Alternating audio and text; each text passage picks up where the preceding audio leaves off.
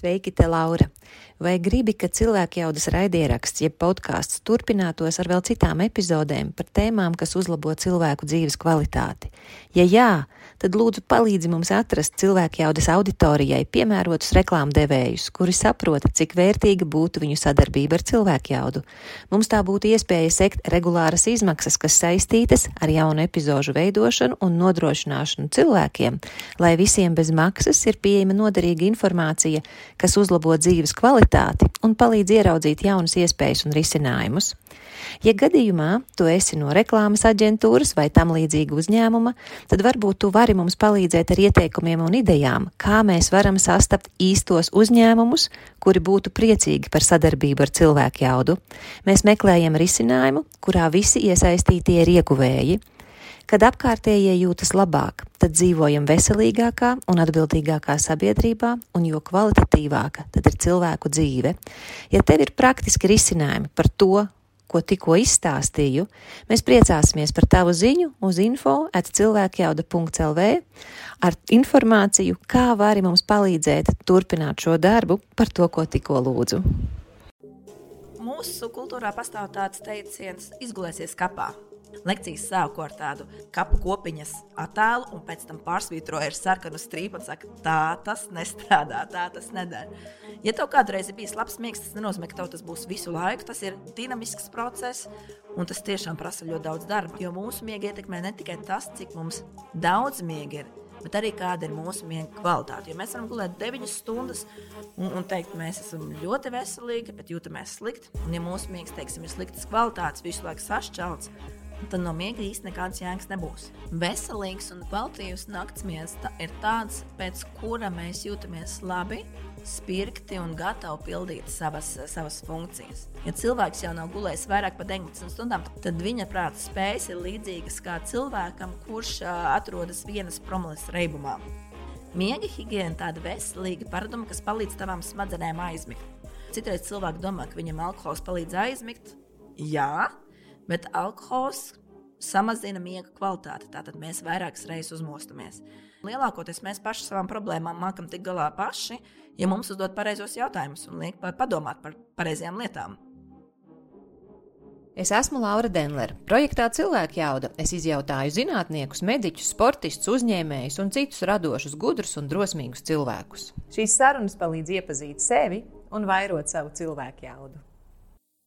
Šodien cilvēku jaudas saruna mums ir ar miega speciālistu, pie reizes ar ārstu Mārtu Celmiņu. Un par Mārtu es uzzināju no Oskara Grīšļa, no intelekta attīstības centra vadītāja, par to, cik augstu viņš novērtēja Martas zināšanas. Un arī tad, kad mums bija atbildes uz jautājumiem, kas cilvēku jaudas kluba biedriem bija par miegu, tad vienu daļu no tiem Oskars pārsūtīja Martai, lai tad, tad varam būt tiešām droši, ka arī ārsts uh, saka, kādi tad ir uh, vajadzīgie risinājumi. Un mums tikko bija sarunas ieraksts ar psihiatru, bērnu psihiatru Nikitu Bezborodovu. Mēs runājām par spēju pašregulēt sevi, par paškontroli, par spēju noturēt uzmanību un izvēlēties tādu rīcību, kāda mums patiesībā kalpotu labāk nekā vienkārši ļaušanās saviem impulsiem tur, kur tas mums ir traucējoši. Un viena no lietām, ko Nikita arī pieminēja, cik miegs ir svarīgs, lai mums tas izdotos, jo tad, kad mēs neesam pietiekami gulējuši, mums ir grūtāk izdalīt, izdarīt tās izvēles, kas mums ir labvēlīgas, kas mums ir veselīgas. Marta, tad, kad tu stādis, stādies priekšā, kā tu saki par savu nodarbošanos, kas tu esi? Sveiki visiem! Man ir ļoti liels prieks šodien atrasties un runāt par vienu no manām mīļākajām tēmām - miegu. Es esmu miega speciāliste, bet pēc izglītības pediatre. Strādāju epilepsijas un miega medicīnas centrā, kas atrodas Bērnu kliniskās universitātes slimnīcā. Nu, tā kā es strādāju bērnu slimnīcā, tad arī varat noprast, ka mana lielākoties nodarbošanās ir ar bērniem un pusauģiem. Tomēr esmu arī certificēta miega izmeklējuma speciāliste, polisomnogrāfijas speciāliste un strādāju arī ar pieaugušo miega izmeklējumiem. Viens no maniem mērķiem ir veicināt miega medicīnas attīstību Latvijā. Tā kā runājot ar cilvēkiem, esmu novērojis, ka lielākā daļa, pat arī ārsti, nemaz nezina, ka tāda atsevišķa nozara miega medicīna. Vai tu biji pat tādu dzirdējis pati? Nu, tā kā es par šo interesējos, jā, bet, ja man nebūtu bijušas specifiskas intereses, tad es nezinātu, ka ir miega medicīna. Es domāju, ir kaut kādi miega pētnieki, bet miega medicīna man neienāktu prātā. Nu, jā, tieši tā. Tas ir kopš 2000. Gadu, 2000. gadu sākuma. Gluži tāpat kā kardioloģija, endokrinoloģija, neiroloģija. Un, jā, miega medicīna sāk eksistēt uh, apmēram 2000. gadu sākumā. Un, man liekas, at, attīstās straujiem soļiem milzīga, atsevišķa, ārkārtīgi svarīga medicīnas nozare. Un tā tad es ļoti ceru, arī ka Latvijā tas aizies. Un jau pa, pa bišķiņai, pa bišķiņai kļūst labāk, un cilvēki tiešām par to vairāk interesējas, uzzina, strādā pie sava miega, un par to es ārkārtīgi priecājos. Bet ir vēl liels ceļš priekšā. Jā, un man liekas, ka šobrīd tas, ar ko mums veicās, ir cik daudz labas un vērtīgas informācijas ir pieejams. Nu, tas, ka latviešu ir arī tulkota Matthew Walker grāmata, kāpēc mēs guļam. Uh, Um, tas, ka, piemēram, tādi nu, diezgan plaši zināmi podkāsti, ko cilvēki ļoti labprāt klausās, kurus interesē veselības tēmas. Uh, The Huberman Lab ir gana daudz epizodu veltīts miegam. Uh, nesen bija Tim Ferris saruna ar pašu Matt Walker arī par šo, uh, par šo tēmu ļoti detalizēta. Tur bija vairāk ķīmijas nekā, nekā jebkas cits, bet tas arī bija savā ziņā interesanti. Nu, es ceru, ka mūsu sarunā tu varēsi varēsi pastāstīt nu, tā, kā tas lielākajai daļai no mums būtu saprotams, tādiem nu, pietiekami skaidriem vārdiem. Nu, lai nav tā, ka mums tur aiziet gluži ķīmija, bet, ja tu uzskati, ka jārunā par to ķīmiskos terminos, manis pēc runājam par to ķīmiskos terminos, jo iemesls, kāpēc es tevi uzaicināju uz sarunu, strādājot ar cilvēkiem par to, ka viņiem gribas, lai viņiem ir vairāk enerģijas, lai viņiem ir labāks garastāvoklis. Viena no tām bīstamajām lietām ir, cik nepietiekama daudzuma miegs viņiem ir, un ka tas nav šad tad, bet diezgan regulāri. Un it īpaši, ja es strādāju ar cilvēkiem, kuriem ir bērni pirmsskolas vecumā, kaut vai viens bērns pirmsskolas vecumā, nu, tas tā kā nu, strādāt ar, kā lai saka, ar cilvēku, kura dzīvē ir sava veida bojājums viņa miega dēļ. es pati arī esmu ar, ar bērniem. Man ir bērnam 6 un 10 gadi. Un, nu, mēs esam laimīgi par to, ka mēs esam ārā no tās mazā bērna fāzes, lai gan nu, joprojām, ja viņš tur teiksim, nejūtās labi, nu nebūs mums tas, tas labais miegs. Bet nu, arī viens no iemesliem, kāpēc mēs ar vīru sapratām, ka trešajam bērnam mēs nevarēsim saņemties, ir mēs nespēsim ziedot tik daudz sava miega un atkal tos gadus vienkārši izturēt. Kas tev pašai no taviem novērojumiem liekas tas būtiskākais par latviešiem un viņu miegu? No šajā ziņā es domāju, ka latvieši īpaši neatšķiras no citām mums, mūsu kultūrai pietuvinātām valstīm. Cilvēki ir aizņemti, darbīgi, karjeristi, es tā skaitā, jā. Un uh, mūsu kultūrā pastāv tāds teiciens, izgulēsies kapā vai ne? Vai kad nomirs, tad, tad arī izgulēsies. Man šis teiciens arī bija diezgan tuvs sirdī, tad, kad es studēju, bet kad sāku apgūt miegu un saprast, cik miegs mums patiesībā ir svarīgs, es citreiz lekcijās, lekcijas sāku ar tādu um, kapu kopiņas attēlu, un pēc tam pārsvītroju ar sarkanu strīpu un saku, tā tas nestrādā, tā tas nedara. Un pagājušajā gadā veiktajā pētījumā um, aptauja Uh, noskaidrots, ka apmēram 70% Latvijas iedzīvotāju sūdzas par miega daudzumu vai miega kvalitāti. Tas, man liekas, ir diezgan ietekmīgs un, un, un svarīgs, uh, svarīgs cipars. Un pati tā kā ikdienā vairāk strādāju ar bērniem, esmu pamanījusi, ka ļoti daudz pusauģu sūdzas par mīgu, it sevišķi tagad pēc Covid, pēc Krievijas iebrukuma Ukrainā. Mūsu veiktajās aptaujās pētījos, pētījumos, ko veicām sadarbībā arī Rīgas Tradiņu universitāti, mēs noskaidrojam, ka vairāk nekā 64% vecāku atzīst, ka viņu mazajiem bērniem līdz 3 gadu vecumam ir slikts miegs, bet uh, vairāk nekā puse jauniešu saka, es neguļu pietiekami. Mēs aptaujājām diezgan lielu skaitu, vairāk nekā tūkstošu pusauģu. Un pieaugušie, cik es runāju, nu, praktiski, man liekas, nav iespējams satikt nevienu, kurš būtu priecīgs ar to, cik daudz guļ vai cik kvalitatīvi guļ. Un tā, tad, tā ir epidēmija. Bet es neteiktu, ka tā ir tikai mūsdienu problēma, jo, pieņemsim, kā tev šķiet, vai agrāk cilvēki gulēja vairāk un labāk. Nu, teiksim, 70. un 60. Tie ir vecākie pētījumi, ko es atradu vismaz pa pusauģiem. Jā, par to gan man nav ne jausmas. Es uzreiz iedomājos pirmskara Latviju, kur, nu, teiksim, gaišajā sezonā no rīta, no agra rīta līdz no saules gaismas līdz saules rietam vajadzēja uh, būt visu laiku darbos. Tāpēc man nav nekādas nojausmas, kas bija 60. un 70. gados. Es, protams, teiktu, jā, viņi gulēja labāk. Jā.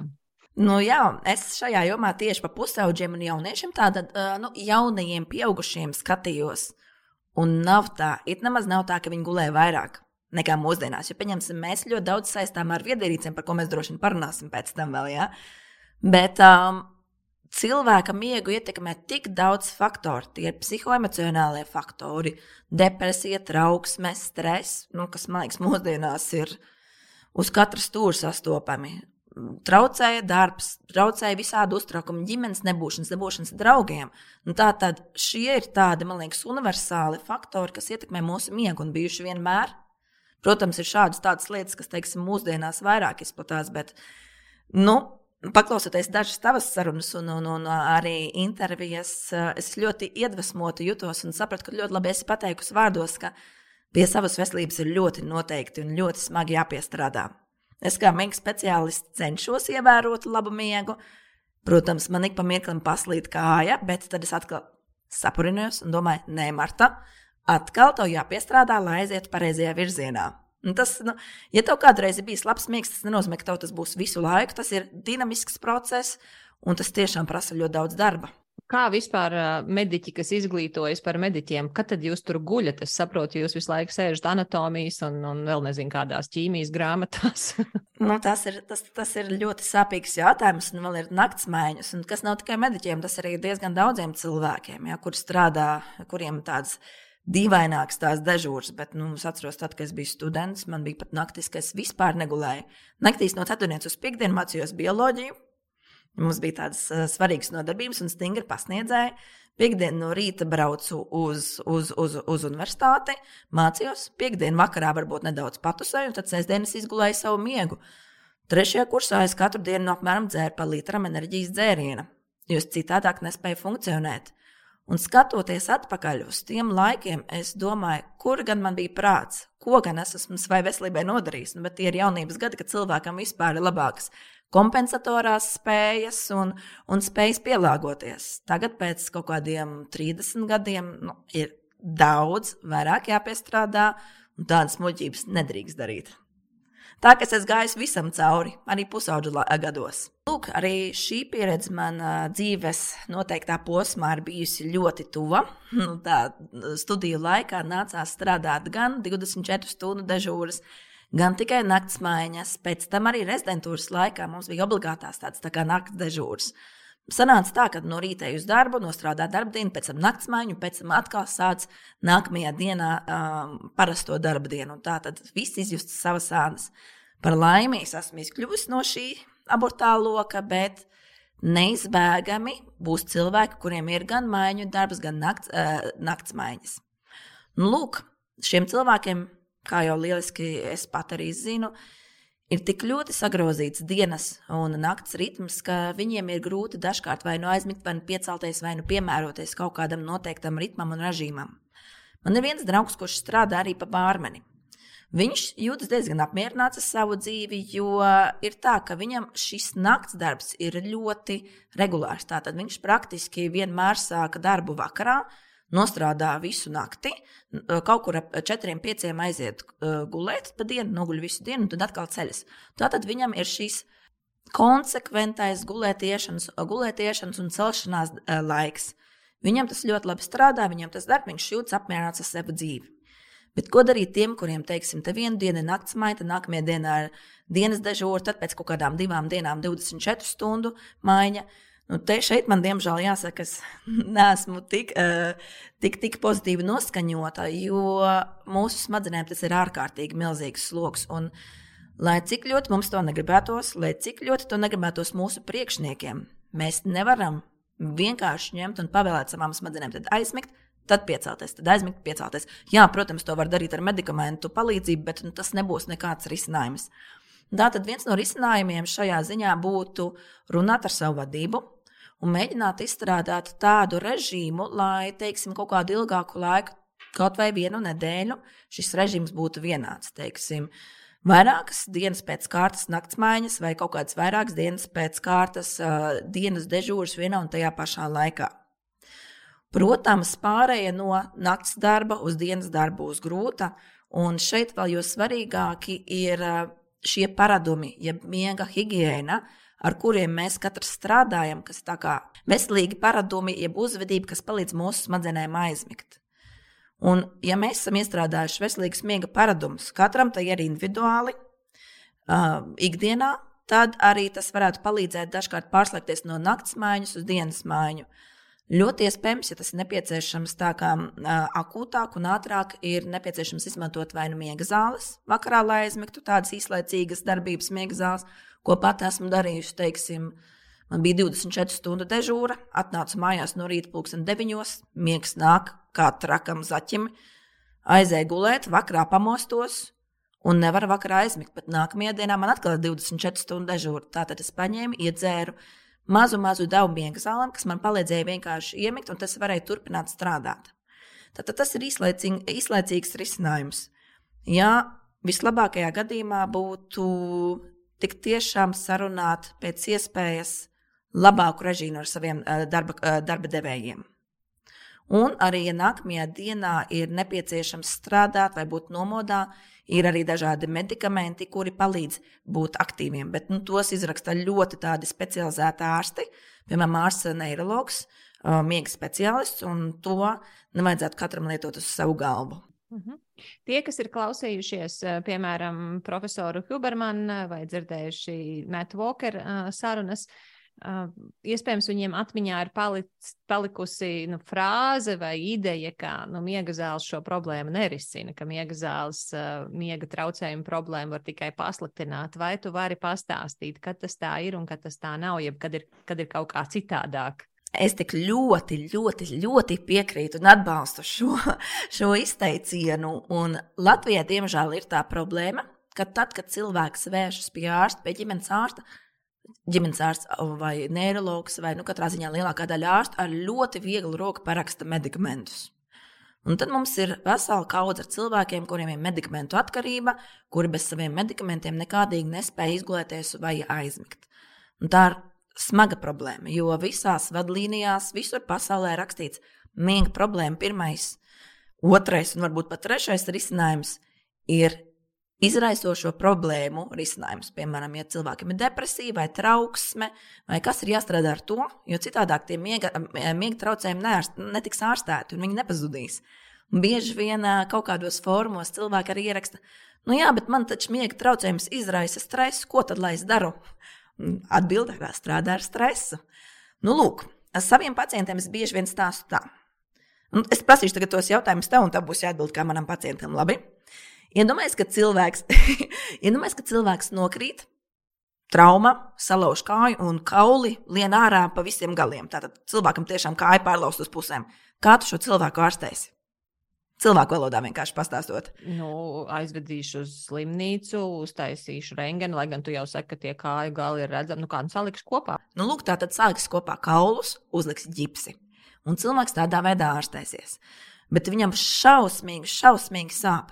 Vai tu viņam dos kaut kādas zāles pret sāpēm? Nu, protams. Nu, protams, nu, lūk, tā tad mēs tagad varam vilkt paralēlas ar miega zālēm un miega problēmām. Šīs miega zāles ir tā kā pretsāpju zāles. Mēs viņus varam iedot, mēs samazinām sāpes vai mazinām simptomus, bet vai mēs izārstējam problēmu? Nē, mēs neizārstējam problēmu. Tātad lielākoties bezmiegam vai miega problēmām apakšā slēpjas kāds apslēptais akmens, ar ko tad ir jāstrādā. Vai nu tas ir stress, vai nu tas ir tā ir trauksme, vai tie ir kaut kādi citādākie medicīniskās problēmas. Piemēram, um, tie tikpat labi var būt vairāk dziedzera traucējumi vai augsts asinsspiediens. Praktiski ļoti plašs izvēles lokus. Marta, e, ko darīt tad, ja ir cilvēki, kas nesaprot, ko jūs te ņematies, kur te problēma, reku miega zāle ir, izdzer to miega drapi un miegs ir. Nu, kāpēc es nevarētu dzert tās miega drāpes kaut vai visu laiku, un es taču guļu, tad mans mērķis ir gulēt, es daļas, nav arī viņas tik traki dārgas, un ļoti labi, man viss ir atrisināts, nav man tur nekāds tur stress jārisina, vēl kaut kas jāmeklē. Vai ne? Brīnišķīgi, es arī priecātos, ja tā būtu, bet lielākā daļa miega drāpju, diemžēl, strādā īslaicīgi un rada piera, eh, pieradumu. Tātad, ja mums ir pieredums, mums vajag ar vien lielākas, lielākas un lielākas devas, kamēr šīs zāles vienkārši vairs nestrādā vai arī rada kādu kaitīgu, uh, kaitīgu efektu mūsu organismam, aknām, piemēram, nierēm. Un kas ir tas kaitīgais efekts aknām un nierēm no šīm miega zālēm? Un vai tas ir no visām? Šis gan īsti nav mans vairs jau jautājums. Tā tad es neesmu tik ļoti specializējies miega medikamentu lietošanā, jo es praktiski ļoti, ļoti reti parakstu medikamentus. Un, uh, Arī es strādāju vairāk ar to, ka mācu cilvēkiem, kā viņiem jāatrisina problēmas. Pieņemsim, ja man nāk pie manis nāk pacients ar miega traucējumiem, 99,99% gadījumu tur apakšā ir vai nu depresija, vai trauksme, ko mēs arī ārstējam, un tad miega traucējumi tiek atrisināti, vai arī mēs ar pacientu strādājam ar kognitīvu behaviorālo terapiju. Tātad šī ir tāda psihoterapija, kas ir vērsta uz uh, traucējošo faktoru atpazīšanu, un um, pēc tam iemācās cilvēks veidu, kā šī, tikt galā ar šīm problēmām. Savā veidā un individualizēti. Tad ķersimies uzreiz klāt tai problēmai, kas ir, man liekas, vairāk cilvēkiem nekā depresija, un tā ir trauksme. Vai tu vari vispirms aprakstīt, kas ir trauksme? Trauksme ir tāds nepatīkams stāvoklis, teikt, bazāli visu laiku šķiet, ka ir kaut kādas problēmas, kaut kas nepatīkams, iespējams, sagaidīt kaut, kā, kaut kādas briesmas nākotnē. Cilvēkam var parādīties galvas reiboņi, viņiem var likties, ka viņiem pātrināts sirdsdarbības, sirds pārsitieni. Katrā ziņā cilvēks nejūtas komfortā ar sevi. Un tam bieži vien ir iet, iemesli. Teiksim, kaut kāds stress darbā, nepatikšanas, nepatikšanas skolā, strīdi ar ģimenes locekļiem, kaut kādi uzdevumi, kas sagādā uztraukumu nākotnē.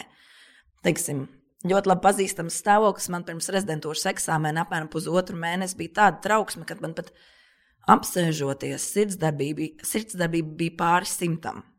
Un, protams, vakarā aizejot gulēt, domas maļās pa galvu, stress, nespēju aizmigt, jo visu laiku liekas, kas notiks, kas notiks, un nākotnē man sagaida kaut kas slikts.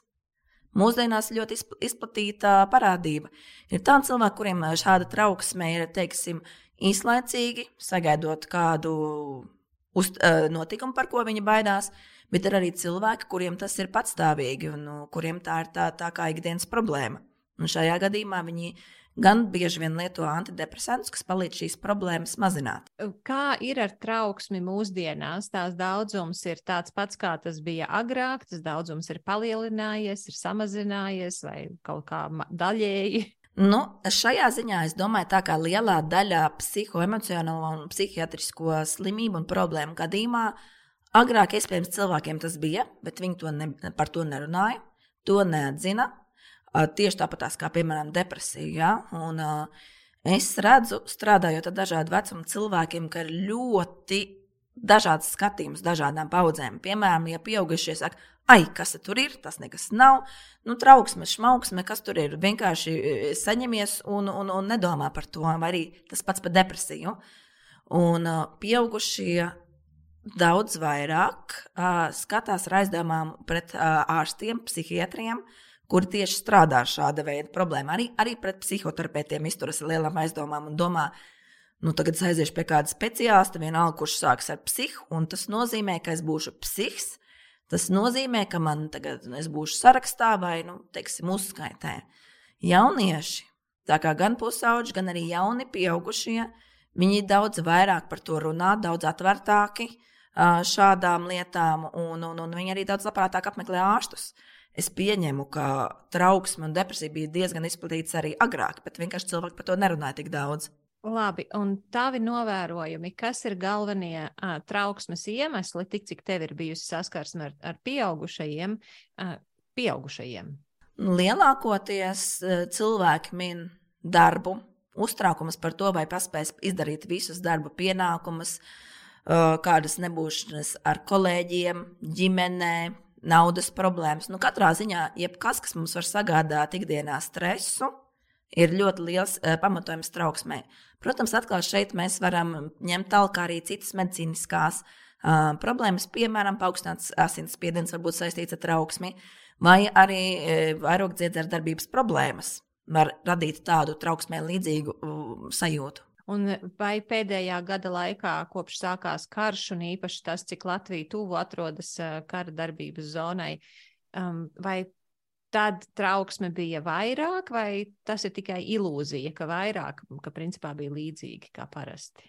Katrā ziņā, man liekas, pēdējo gadu laikā mums ir tik daudz bijis iemeslu uztraukties, tik daudz negatīvas informācijas, ka tas jau, man liekas, šķiet, man šķiet, ka mēs sākam pierast pie tā.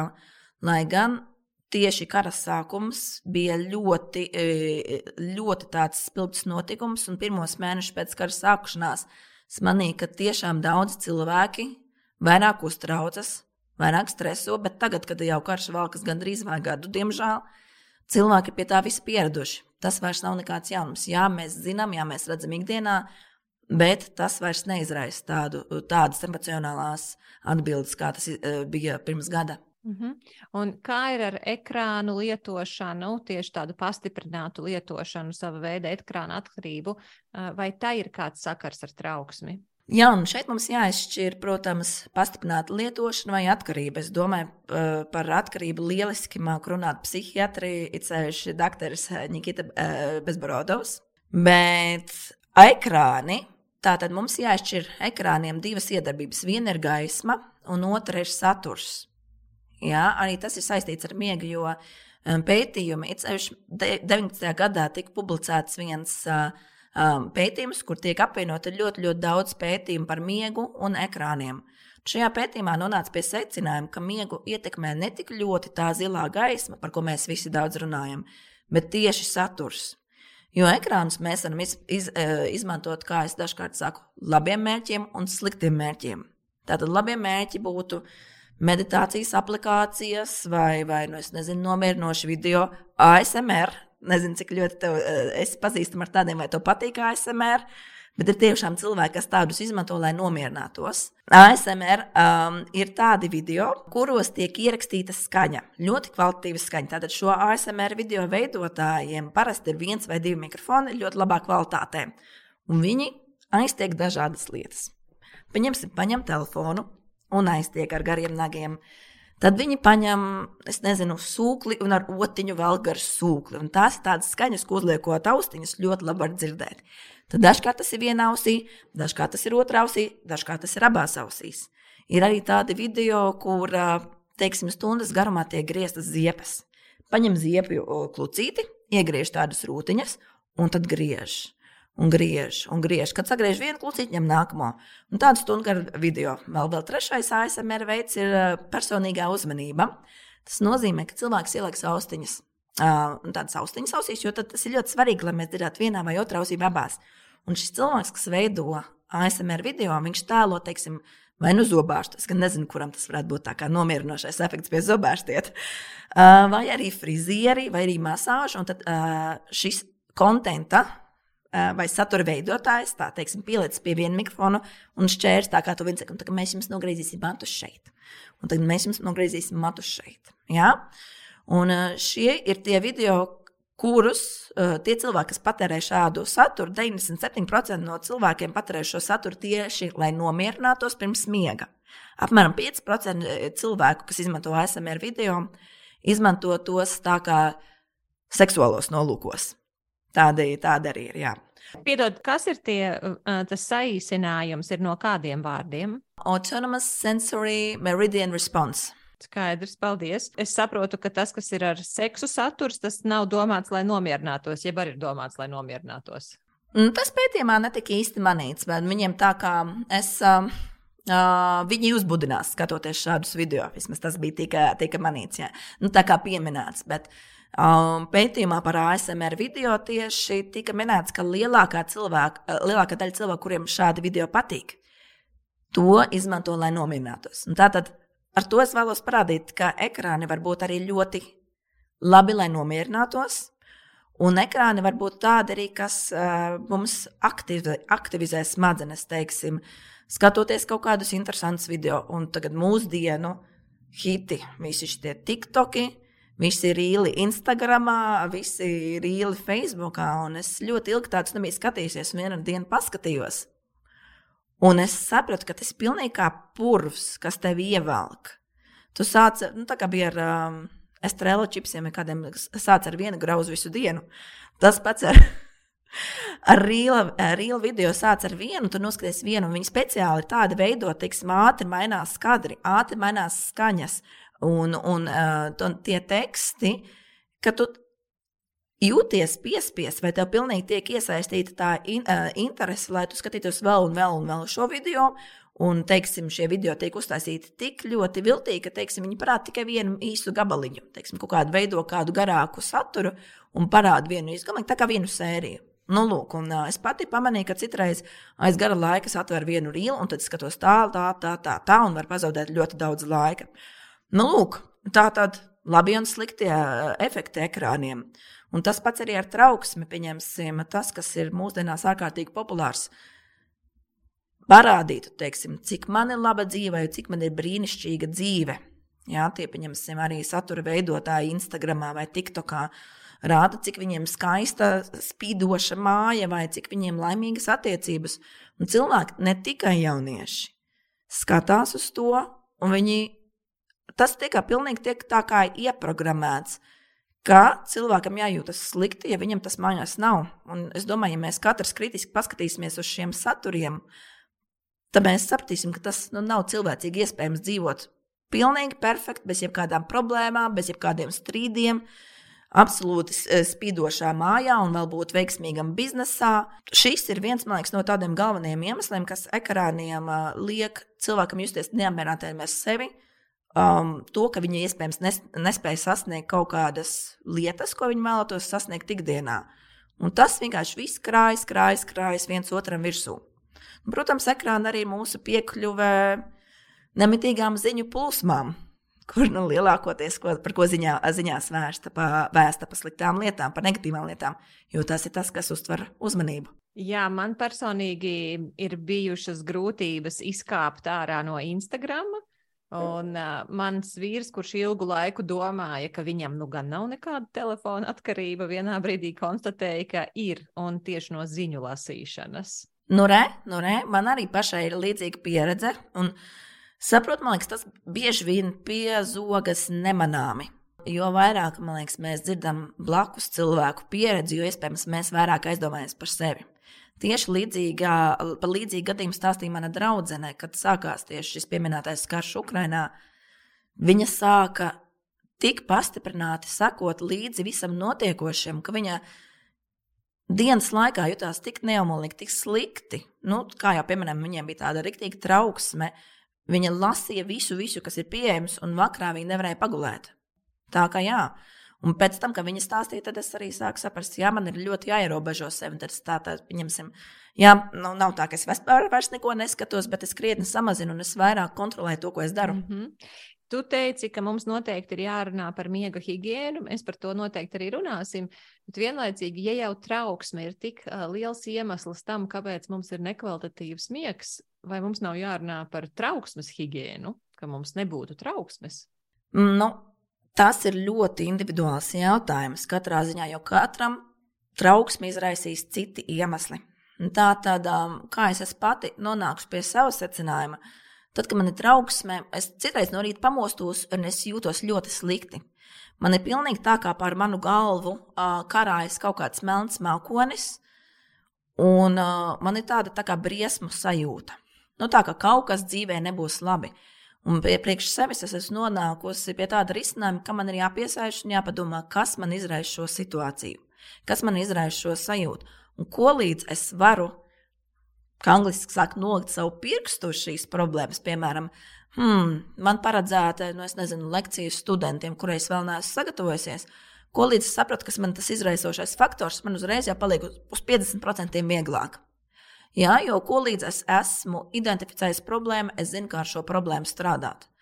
Tā kā šis, es domāju, būtu pirmais solis, ar ko katram vajadzētu strādāt.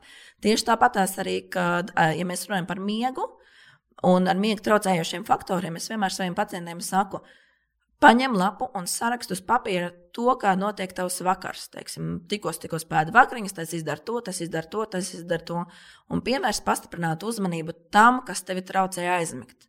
Jo lielākoties cilvēki saka, nē, es aizēju gulēt, un tad, tad nu, es vienkārši mēģinu aizmigt. Es saku, vai tu par kaut ko domā? Nē, nekā, nē, es vienkārši mēģinu aizmigt. Un tad es prasu, vai tiešām nav tā, ka tu sāc domāt par to, kas tev notiek darbā, vai, vai kaut kādām problēmām. Ah, nu jā, nu, bet tas jau ir normāli, tas jau man ikdienā notiek. Nu, lūk, identificēšana, pirmais solis, un tad mēs arī zināsim, kur vērsties. Un ļoti vēlos cilvēkus arī veicināt, uh, izrunāties uh, ar varbūt saviem tuvajiem, vai ar kolēģiem, vai, kas būtu visperfektākais, ar psihologu. Ja?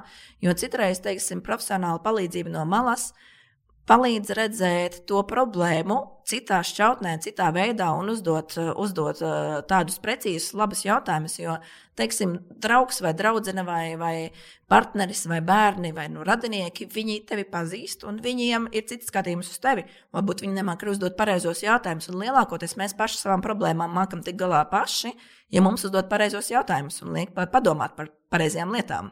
Bravo, vienkārši. Kādi ir iemesli, kāpēc ir miega traucējumi cilvēkam dažādos vecumos? Nu, piemēram, kā bērns es gulēju vienkārši kā mamma teica, kā beigta. Blakus mājai ir uh, degu ugunsgrēks un ir sabraukušas ugunsdzēsēju mašīnas ar visām sirēnām, un bērns vienkārši guļ. Uh, nekādu problēmu. Es esmu cilvēks, kurš var aizmigt jebkurā vietā, ja man ir tāda iespēja, es gribu pagulēt, es varu izņemot, tad, ja ir trauksme, tad tas nav tik viegli izdarāms. Bet uh, sākoties, es nezinu, kaut kādam jau uh, pieaugušam vecumam, un tīpaši tagad, uh, 30, 40, uh, tas miegs reizēm ir ļoti labs uz ilgu periodu, bet tad notiek kaut kāds vai nu satracinājums, vai nu, um, nu teiksim, kā piemēram karš, ja?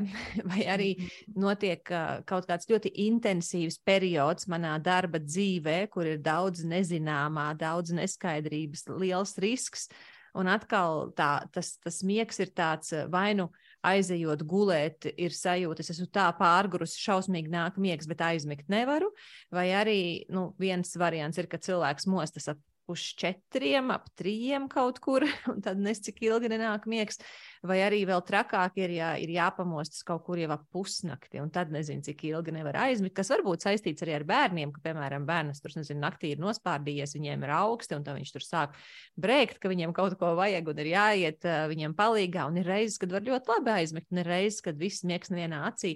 Bet tad tās parasti nav tādas reizes, ka nebūtu nākamā dienā kaut kāda slodze, jo, jo vairāk tas slodzes ir, jo grūtāk tajā, tajā iztraucētajā naktī ir aizmigt. Tad, Kas ir tie iemesli, kāpēc bērniem ir miega traucējumi, kāpēc pusauģiem ir grūtības ar miegu, kāpēc mums ir grūtības ar miegu, tad, kad mums ir 20, 30, 40 un 50 un arī vēlāk? Pirmkārt, šis daudzslāņainais jautājums būtu tieši tāpat, kāpēc rodas sirds slimības? Un, vai, piemēram, kāpēc rodas endokrinoloģiskās slimības? Un tad tu zini, saproti, cik daudz to slimību, un viņi katra citādāka un katrai citādākie iemesli. Un arī miega problēmas mums dažādos vecumos ir pilnīgi dažādas. Kas sāksim ar jaundzimušajiem? Ja? Nu, Jaundzimušais, labi, tas ir tāds ātrāks posms, bet, teiksim, bērniņi pirmā gada vecumā. Lielākoties vecākus šajā vecumā uztrauc tas, ka bērniņi man naktīs bieži mostas. Un um, lielākoties manā pieredzē 99,99% gadījumu bērniņš pamostas un vecāks var bērniņu nomierināt, teiksim, paņemot rokās, iedodot krūti, iedodot pudelīti, iedodot knupīti vai kas tam līdzīgs. Un tas ir pilnīgi normāli, tas ir pilnīgi normāls uzbūves miegs, jo mums katram smadzenes uzbūvēts tā, nu es garantēju, simtprocentīgi visi dzīvē cilvēki naktī vairākas reizes pamostas, bet lielākoties mēs to neatceramies.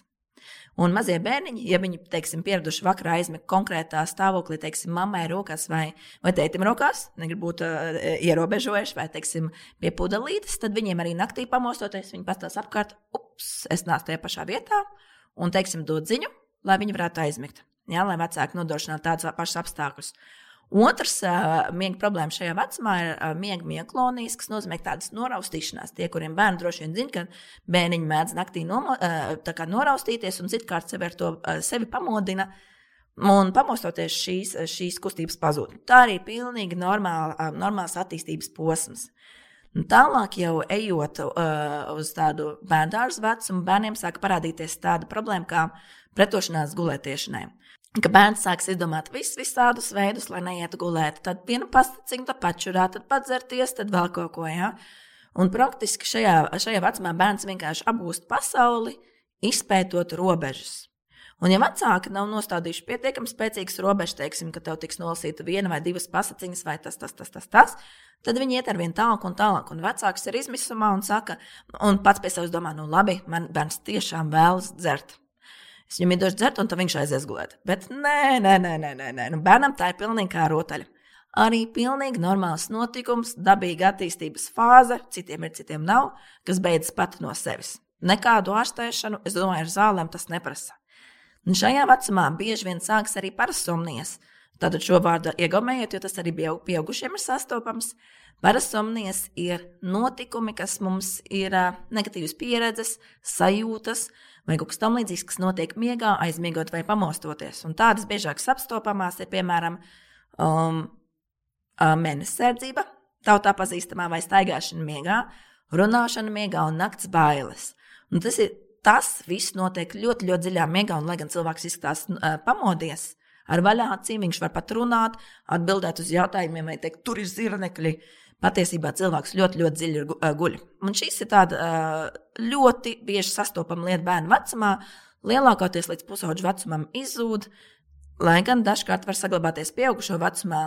Un pieaugušo vecumā šāda veida parasomnijas var veicināt, pieņemsim, dažādi medikamenti, šīs pašas miega zāles, piemēram, vai arī alkohols. Ir tādi cilvēki, teiksim, kuri par vairāk iedzer, un tad viņi sāk naktī runāt vai kliegt. Um, Mūrgi parādās arī šajā vecumā bērniem, līdz liekas, kaut kādiem 97% bērni ir kādu reizi redzējuši mūrgus.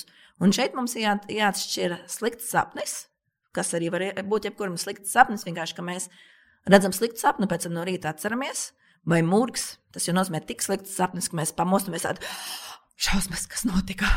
Un, un pēc tam mēs saprotam, ka mēs esam drošībā, nomierinamies. Vai naktas mūrgu slimību, kas nozīmē, ka mums tie mūrgi ir tik bieži, vismaz reizi nedēļā, kad cilvēkam tiek ietekmēts gan naktas miers, gan dienas sajūta, pašsajūta, gan sociālā sfēra, uh, gan arī viņa uh, darba spējas. Ja? Tas arī diezgan bieži pieaugušiem It sevišķi cilvēkiem ar dažādām psihiatriskajām saslimšanām, pieņemsim depresiju, šo pašu trauksmu, par ko mēs runājam, vai posttraumatiskā stresa sindromu. Un šajā pašā bērnās vecumā uzsākas arī tāda uh, slimība, ko sauc par obstrutīvu apnoju, kas arī sastopama pieaugušo vecumā, it sevišķi cilvēkiem pēc 50 gadu vecuma. Ļoti, ļoti daudziem pieaugušiem. Tā, arī, uh, tā ir tāda tēma, par ko vajadzētu parunāt, jo mūsu miega ietekmē ne tikai tas, cik mums daudz miega ir, bet arī kāda ir mūsu miega kvalitāte. Jo mēs varam gulēt 9 stundas un, un teikt, mēs esam ļoti veselīgi, bet jūtamies slikti. Un, ja mūsu miegs, teiksim, ir sliktas kvalitātes, visu laiku sašķelts, tad no miega īstenībā nekādas jēgas nebūs. Un obstruktīva miega apnoja no latīņu valodas nozīmē obstrukcijo, nosprostojums, apnoja bez elpas. Tātad kaut kādu iemeslu, bieži vien daudz iemeslu kombinācijas dēļ, tiek nosprostot elpceļi, Kādēļ cilvēks nelpo, viņam smadzenēs krīt skābeklis, viņa smadzenes viņu pamodina, lai viņš sāktu elpot. Un sabiedrībā tā ir pazīstama kā krāpšana. Ja? Krāpšana nav vienkārši troksnis, krāpšana nav iedzimts ģimenē, kā uh, vīriešiem patīk teikt. Mums tas ir iedzimts ģimenē, vai arī vīrieši vienmēr saka, ai, man vienkārši šķīpa deguns tapsina. Nē, nē, nē, tā tas īsti nestrādā. Un, ja pa bērniem vecāki bieži vien uztrauc, viņš krāts, tad pa pieaugušiem. Pieaugušie par sevi vairs tik ļoti nerūpējas šajā ziņā, un tas arī nav īsti pareizi, ko es vēlētos, lai viņi pievērš vairāk uzmanību šai problēmai. Ja bērnu vecumā lielākais iemesls šai krāpšanai, jeb obstīvai miega apnojai, ir palielināts kakla vai aizdeguns mandelis, tautā pazīstams kā adenoīdi, vai arī palielināts svars vai nepareizs sakodiens. Pieaugušo vecumā jau liekais svars ir pirmais tāds svarīgākais iemesls obstīvai miega apnojai. Un sievietēm arī šīs ir viens no iemesliem obstīvai miega apnojai, jeb krāpšanai, ir uh, hormonālās izmaiņas pēc menopauzes. Viņām, man liekas, divreiz vai trīsreiz pastiprinās risks. Nu tā, mēs esam veiksmīgi nonākuši līdz skolas vecumam, un tad jau uz pusauģu vecumu pārējot, sākas, nu, man liekas, pusauģu vecuma zinās, vecāki zinās, negribu iet gulēt. Ja? Bērni iet gulēt pēc pusnakts, vienos, divos, trijos, četros, pat piecos naktī un nespēja piecelties. Ļoti bieži sastopam problēmu, ko izraisa vairāk faktori. Gan tas, ka melatonīns tas ir hormons, kas mums izstrādājas katram smadzenēs dabīgi, un uh, mums liek justies miegainiem. Um, pusauģiem izstrādājas vēlāk nekā pieaugušiem cilvēkiem. Tas nozīmē, ka melatonīns hormons, ko izstrādā mūsu smadzenes, ļoti reaģē uz gaismu. Ja mūsu acis redz dienas gaismu, acis dod signālu smadzenēm, ārā ir diena, tev nevajag iet gulēt. Ko līdz paliek tumšāks, tad mūsu smadzenes, mūsu acis nos, nosaka faktu, kā ir tumsa, dod ziņu smadzenēm. Ir tumsa, sākas naktis, sāc ražot melatonīnu, nu, mums sāk kāpt melatonīna līmenis, un mēs jūtamies miegaini. Nu, nav tā, diemžēl, ka melatonīns mums tagad pali, uh, uzkāps tik augstu, ka mēs sāksim gulēt. Nē, tas ir tikai viens mazs faktors no visiem faktoriem, kas regulē miegu. Un tad melatonīns uh, naktas vidū ir ļoti augsts, un uz pēc trim, četriem melatonīns sāk krist, un kad paliek gaišs, tad mūsu melatonīns ļoti strauji krīt. Un kur ir problēma? Pusauģiem šis melatonīna pīķis ir aizkavēts, tāpēc viņiem tīri dabīgi uh, miega, uh, miega uzplūds ir vēlāk nekā pieaugušajiem. Plus mazinās vecāku nozīme. Nē, mamma, es negribu iet gulēt, vai, vai, vai, vai kaut kas tam līdzīgs. Pastiprinās sociālais spiediens, ir, ir, ir ballīts, ir arī visas šīs viedierīces, ir TikTok, ir runāšanās ar draugiem. Un būsim godīgi, mūsdienās arī jauniešiem ir ļoti daudz hobiju. Mūsu, man liekas, Latvijā tas, ko uh, gan sazinoties ar ārzemju kolēģiem vai, vai mācoties ārzemēs, es pamanīju, ka mūsu jaunieši ļoti aktīvi nodarbojas gan ar sportu, gan iet mūzikas skolā, dzied korī. Uh, dejo. Un, teiksim, ja viņi atnāk mājās vakarā, 9 pēc treniņa, viņi ir noguruši, viņam vēl jāpilda mājas darbi. Protams, ka jebkurš cilvēks vēlas arī laiku sev vai parunāt ar draugiem. Tas miegs tiek aizbīdīts vēlāk, uz vēlāku vakarā, vēlāku naktas daļu. Un tad, protams, šajā vecumā milzīgs, es teikšu, ja ne pat viens no galvenajiem faktoriem ir šis stress un trauksme. Un uh, veicot, teiksim, aptauju jauniešiem, arī tādiem, kas jau ir pieaugušie, bet, bet, bet um, nu, jaunie pieaugušie, viņi teica, es guļu, un man galvā maļās dažādas domas. Bieži vien šīs domas un bailes ir neracionālas. Piemēram, es baidos, ka kaut kas notiks manā ģimenē, vai es uztraucos par universitāti, es uztraucos par eksāmenu. Tas ir ārkārtīgi daudz cilvēkiem. Un ir ceļš, ka tagad uh, cilvēki paliek daudz apzinīgāki par savu veselību. Mums ir ļoti daudz pieejama internets un ļoti daudz in, uh, informācijas pieejamas. Uh, Man ir citi jaunieši teikuši tā, piemēram, man uzmetās uz sejas pumpa, un tad es domāju, kas notiks. Es sāku googlēt, un es domāju, vai man ir šī slimība, vai es miršu, cik daudz laika man vēl atlicis dzīvot. Nu, lūk, tā tad mēs esam tas pusauģi jaunie, jaunie, jaunie pieaugušie. Un tad jau mēs esam nonākuši pie pavisam citām miega slimībām, jo bērnu vecumā miega slimības bieži vien ir saistītas ar attīstības vecuma posmiem, ar ļoti bieži saistīts arī to, ka vecāki vienkārši nezina, ko sagaidīt no miega. Viņi nezina, ka bērniem ir normāli naktī smoties vai, vai, vai, vai tādas lietas. Tas saistīts ar to. Nu, pieaugušo vecumā es varētu iedalīt tā kā sešas lielas um, miega traucējumu grupas. Pirmā būtu elpošanas traucējumi miegā. Viens no tiem, nu, tāds svarīgākais, atpazīstamākais ir obstruktīva miega apnoja, tātad krāpšana. Otra lielā grupa ir bezmiegs. Tas nozīmē, kā jau tu pati pieminēji, vai grūti aizmigt, vai arī cilvēks naktī pamostas un nevar aizmigt vairākas stundas, vai no rīta pārāk agri mostas. Trešā lielā grupa ir parasomnijas. Tātad šī staigāšana, miegā, runāšana, miegā, um, nakts bailes dažkārt. Tas, ka cilvēks naktī pamostas, sāk liekt, izskatās pārbījies, uh, var eh, teiksim, pretoties eh, nomierināšanas mēģinājumiem. Nu, tas viss vairāk bērniem eh, sastopams, bet pieaugušiem arī murgi. Un tāda lieta kā seksomnija, kas nozīmē, ka cilvēks naktī var nodarboties ar seksu vai masturbēt, piemēram, un pats to neapzinās. Tas tieši tāpatās notiek dziļajā miegā, vai arī ēšana miegā. Cilvēks var piecelties, aiziet līdz virtuvei, pagatavot sev naksniņas. Es nezinu, tas droši vien naksniņas skaitās. Un tā var būt pilnīgi nēdams vielas, pieņemsim, jēlu gaļu. Vai, vai nu, nezinu, ziepes droši vien nē, es ceru. Vai arī, teiksim, pieaugušo vecumā šīs staigāšanas var būt tik ļoti ekstrēmas. Lasīju par vienu sievieti, kur teica, ka viņa naktas vidū piecēlusies, aizgājusi uz savu mašīnu, izparkojusies no kabatiņas, pabraukājusi apkārt, atnākusi atpakaļ, ieparkojusies atpakaļ kabatiņā, ko es pat skaidrā prātā nevaru izdarīt. Ja godīgi, kabatiņas ir mans lielākais stress. Ja godīgi nākot uz šo interviju, es prasīju savai māsai, māsa, kuras var noparkoties, lai nebūtu kabatiņā. un tad viņa atgriezās mājās. Viņa pavisam nejauši uzzināja par to, ka viņa ir staigājusi un braukusi miegā. Viņai kaimiņi teica, kur tu gāji naktas vidū? Tad viņa saprata, ka viņai ir šāda problēma, un uh, viņa savus mašīnas atslēgas ieslēdz speciālā seifā, kuram ir tāds laika kods, ka viņa šo seifu var atvērt tikai noteiktās stundās, un naktīs viņa nevar atvērt. Labi, nākamā grupa ir kustība traucējumi miegā piemēram, nemierīgo kāju sindroms, kas ietekmē ļoti daudzus cilvēkus. Var redzēt, ka daļai arī no mūsu klausītājiem ir nemierīgo kāju sindroms. Un kad tas oh. skaitās, un kad tas skaitās, un kad tas neskaitās, jo nu, tas, ka kājas šeit noraustās, nezinu, vienu reizi iemiegot vai kā, kad tas skaitās? À, tās, ka noraustās, tas ir miega mieklonija. Nemierīgo kāju sindroms ir nepatīkama sajūta kājās, vai precīzāk sakot, vēlme kustināt kājas pieņemsim, kustināt, berzēt, tirināt kājas, ja? un šo vēlmi uh, kustināt kājas bieži vien pavada nepatīkama sajūta kājās. Tā var būt duršana, spiešana, augstums, karstums, skudriņas, melnie pipari, nu dažna dažādas nepatīkamas sajūtas. Un svarīgākais ir tas, ka uh, šīs nepatīkamās sajūtas pastiprinās miega, miera stāvoklī, it sevišķi ejot gulēt un samazinās pie kustībām. Un tāpēc arī cilvēks bieži vien nepamanot vienkārši tās kājas tirina. Un uzmini, kad šī, šī ir nepatīkamo kāju, sind, eh, nemierīgo kāju sindroms aktivizējas, kurā mirklī? Trauksme. Ejot gulēt. À, sākumā tieši. Jā, ejot gulēt, jā, un tas, tas arī var būt dienas laikā, bet visspēcīgākais, lielākoties visspēcīgākais, uh, visspēcīgākais nemierīgu kāju sindromu tas mirklis ir tieši ejot gulēt. Un tad izveidojas abortais lokus. It kā cilvēks grib aizmigt, bet viņš nevar aizmigt, jo viņam nepatīkams sajūtas kājās.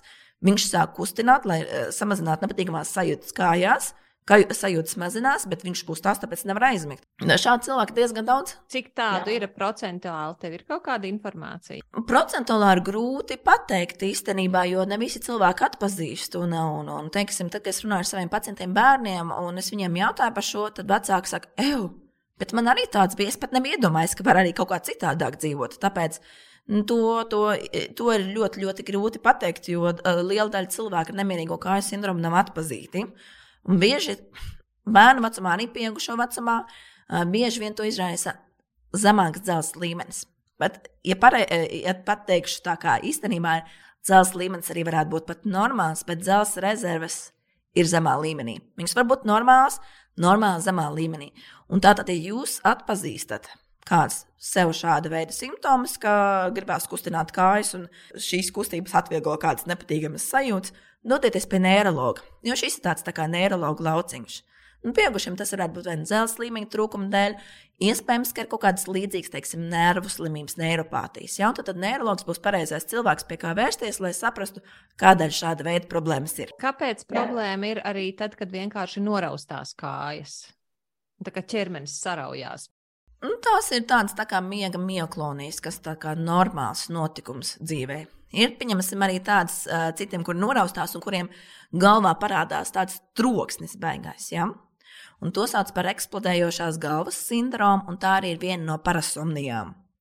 Tas, ko es runāju, tajā pašā grupiņā ar runāšanu, miegā, staigāšanu, miegā un tā tālāk. Un par kustībām miegā bieži vien cilvēks arī to nepamana. Lai gan, nu, pieņemsim, tie, kuriem ir vieglāks nemierīgo kāju sindroms, viņi tikai jā, pēc tam, ja viņiem kāds pasaka, ka tas īstenībā nav, nav visiem tā, nav, viņi, ah, ok, Es nemaz nezināju, ka var citādāk, bet ir citi, kuriem tas ir ļoti, ļoti nopietni, tā ka viņi nobērš kājas līdz asinīm. Vai arī viņiem ir jāceļas um, augšā un jāiet staigāt apkārt pa istabu, lai vispār kaut kā nomierinātos. Un tiem, kuriem ir nopietnāka situācija, viņi arī naktī kustās. Es redzējusi, uh, tad, kad es mācījos Skotijā, tieši miega klīnikā pieaugušajiem, bija daži pacienti, kuriem šīs, tā, šīs kustības miegā bija tik ļoti izteikts, ka viņi dienas laikā vairākas reizes aizmigu. Bija pat sieviete, kas aizmiga pie stūres braucot. Ja, jo, ja mums visu laiku tās kājas kustās naktī, tad smadzenes arī nedabūja pietiekami daudz dziļā miega un remiega, jo mēs tiekam pastāvīgi uzmodināti un dzīvojamies pa tādām virspusējām miega fāzēm, kas nav mūsu smadzenēm tik noderīgas. Par ko var minēt, teiksim, gultas partneris? Cilvēks daudz spārdās, daudz kustās. Ja kaut kas tam līdzīgs notiek, neiroloģis īstais cilvēks. Nu, vēl ir cilvēki, teiksim, kas naktī sāk spārdīties, sist rokas, varbūt pat kliegt, pat žņaukt savu gultas partneri. Un tad, kad viņus pamodina, viņi apzinās, ko viņi dara. Viņi saka, ārprāts, man likās, ka es cīnos ar teiksim, iebrucēju mājā. Un šī arī ir viena no parasomnijām, to sauc par uh, REM uh, Behavior Disorder, RBD. Uh, uzvedības traucējumi REM miega laikā. Tātad REM miegs ir tāds salīdzinoši saklais miegs, kad mūsu smadzenes darbojas ļoti līdzīgi nomodam, un REM miega laikā mēs redzam sapņus. Bet tāpēc, tā kā, tā kā mēs redzam sapņus, mūsu smadzenes mūs paralizē, mūsu ķermeni, lai mēs nevarētu šos sapņus uz āru izvest. Bet ir cilvēki, kuriem šī paralīze zūd. Un tāpēc viņi sāk šīs uh, lielās kustības, vai nu, tiešām pat var aiziet tik tālu, ka viņi apdraud vai nu sevi, vai nu gultas partneri, vai pat nu, jau ist, istabas partneri, vai pat kādus citus. Un tā ir tā, tas tāds, tāds ļoti nopietns stāvoklis, ka tiešām ar steigu jāvēršas pie neiroloģa, jo tas var būt kā agrīns simptoms uh, nopietnām slimībām, piemēram, Parkinsona slimībai. Un tā kā es gribu teikt, ka Tas, par ko mēs runājam, sākumā tas, ka grūtības aizmigt vai bezmiegs, tas ir viens, viens mazs, mazs, mazs uh, nieciņš no visa plašā miega medicīnas klāsta. Nākamā grupa ir uh, centrālās hipersomnolences, jeb tātad centrālais nozīmē centrālā nervu sistēma, tātad galvas smadzenes šajā gadījumā hipersomnolence miegs, miegainība. Miegainība, kas rodas uh, galvas smadzeņu uh, dar, darbības problēmu rezultātā. Un šī ir mana mīļākā tēma. Tā kā mm, katram ir kāda, kāda joma, kurā viņš specializējas. Un es specializējos tieši miegainības slimību atklāšanā un ārstēšanā.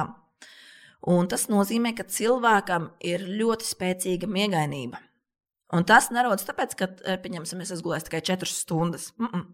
Tas rodas tāpēc, ka bieži vien, teiksim, smadzenēs ir mazāk hormons noteikts, pieņemsim, hormons oreksīns, kas mums regulē miegu un nomodu. Un tad, ja šī hormona pārāk maz, tad cilvēks ik pa mirklim dienas laikā iegrimst miegā.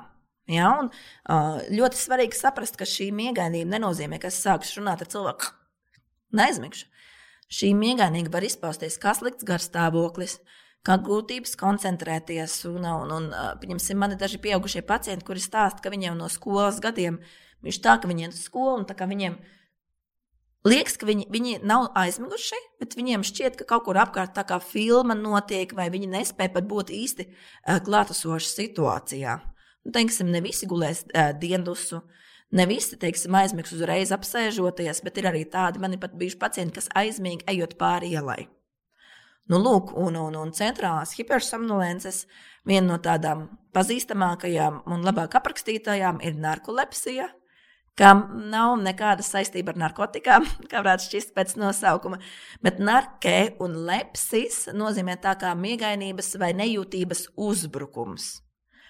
Un šī, lai gan skatās viena no retajām slimībām, Latvijā ir super neatpazīta. Un arī citur pasaulē īstenībā ļoti, ļoti neatpazīta. Un skaitot, tā kā uz Latvijas iedzīvotāju skaitu, nu šogad es esmu izskaidrojis, cik vajadzētu būt. Latvijai vajadzētu būt līdz 3000 cilvēku vai nu ar narkolepsiju, vai nu ar narkolepsiju līdzīgām slimībām. Nu, tā tad arī klausītājiem ir um, kādas problēmas ar miegainību. Tiešām tik daudz, daudz cilvēku apkārt, kuri, kuri nemaz neapzinās, ka viņiem ir šāda slimība. Mērsieties pie miega speciālista. Katrā ziņā, kamēr šīs miegainības slimības nevienmēr var izārstēt, ir iespējams palīdzēt un mazināt simptomus tā, lai cilvēks varētu pēc iespējas veiksmīgāk iekļauties arī sabiedrībā veikt darbu, dzīvot. Jo, teiksim, daudz cilvēku, kuriem ir šādas miegainības slimības, viņi nespēja funkcionēt. Viņiem, teiksim, draugi viņus aicina ārā nezinu, uz teātri. Viņi, viņi negrib neko darīt, jo viņiem labprātāk, eh, labprātāk viņi vēlētos iet gulēt. Tad labi, par šo es varētu runāt daudz un dikti. Uh, Um, bet uh, pēdējā grupa, eh, kas ir miega medicīnā, ir diennakts ritma traucējumi. Vai citi varbūt pazīst kā cirkadiānā ritma traucējumi, bet nu, tomēr cirkadiānais latviešu valodā tur, uh, tulkojas kā diennakts ritma traucējumi. Tad mums katram ir savs iekšējais pulkstenis, kas mums saka, tad jāiet gulēt, tad jāceļas. Pūces, cīruļi, ok, delfīni, vilki, lauvas un citi zvēri. Visas šīs teorijas par to, kā mums veidos mūsu chronotips, ir viena lieta, bet um, ir cilvēki, kuriem ir ļoti, ļoti spēcīgi šie diennakts ritma traucējumi. Tas nozīmē, ka viņu iekšējais pulkstenis nav piemērots, uh, pie, nav tā kā salāgots ar sociālajām normām. Piemēram, man bija nesen viena paciente, kura iet gulēt pulksteni piecos no rīta un ceļas trijos, četros pa dienu.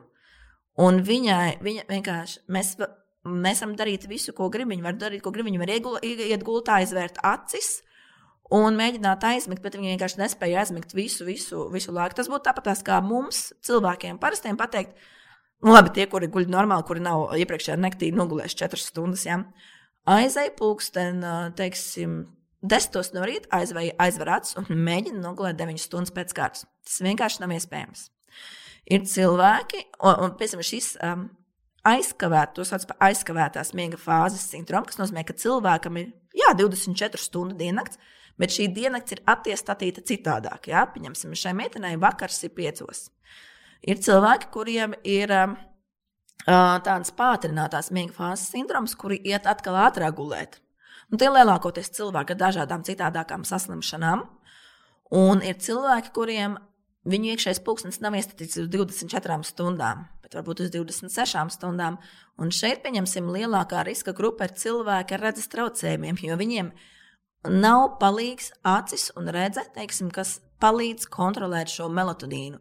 Un tad ir iespējams tā, ka viņiem, nu, angļuiski saka, free running uh, circadian ritmu, tā kā brīvi skrienošais vai brīvi darbojošais uh, diennakts ritms. Nozīmē, vienu dienu viņš var aiziet gulēt, teiksim, sešos vakarā, vienu dienu, divos naktī un tā tālāk un tā joprojām. Vai citi cilvēki, teiksim, kuriem iekšējais pulkstenis iestatīts uz 26 stundām. Tad vienu dienu viņš iegulēja 10, nākamajā dienā 12, pēc tam jau 2, un tā viņš vienkārši riņķo, riņķo apkārt pulkstenim. Nu jā, šīs ir tādas. Uh, īsi, īsi atbildot uz uh, jautājumu, kādas miega problēmas ir um, cilvēkiem dažādos vecumos un kas to izraisa. Tā kā super īsi. Paldies, Marta.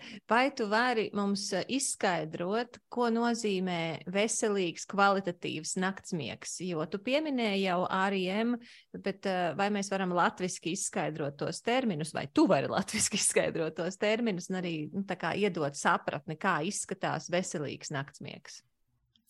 Veselīgs un kvalitīvs naktsmiegs ir tāds, pēc kura mēs jūtamies labi, spirti un gatavi pildīt savas, savas funkcijas.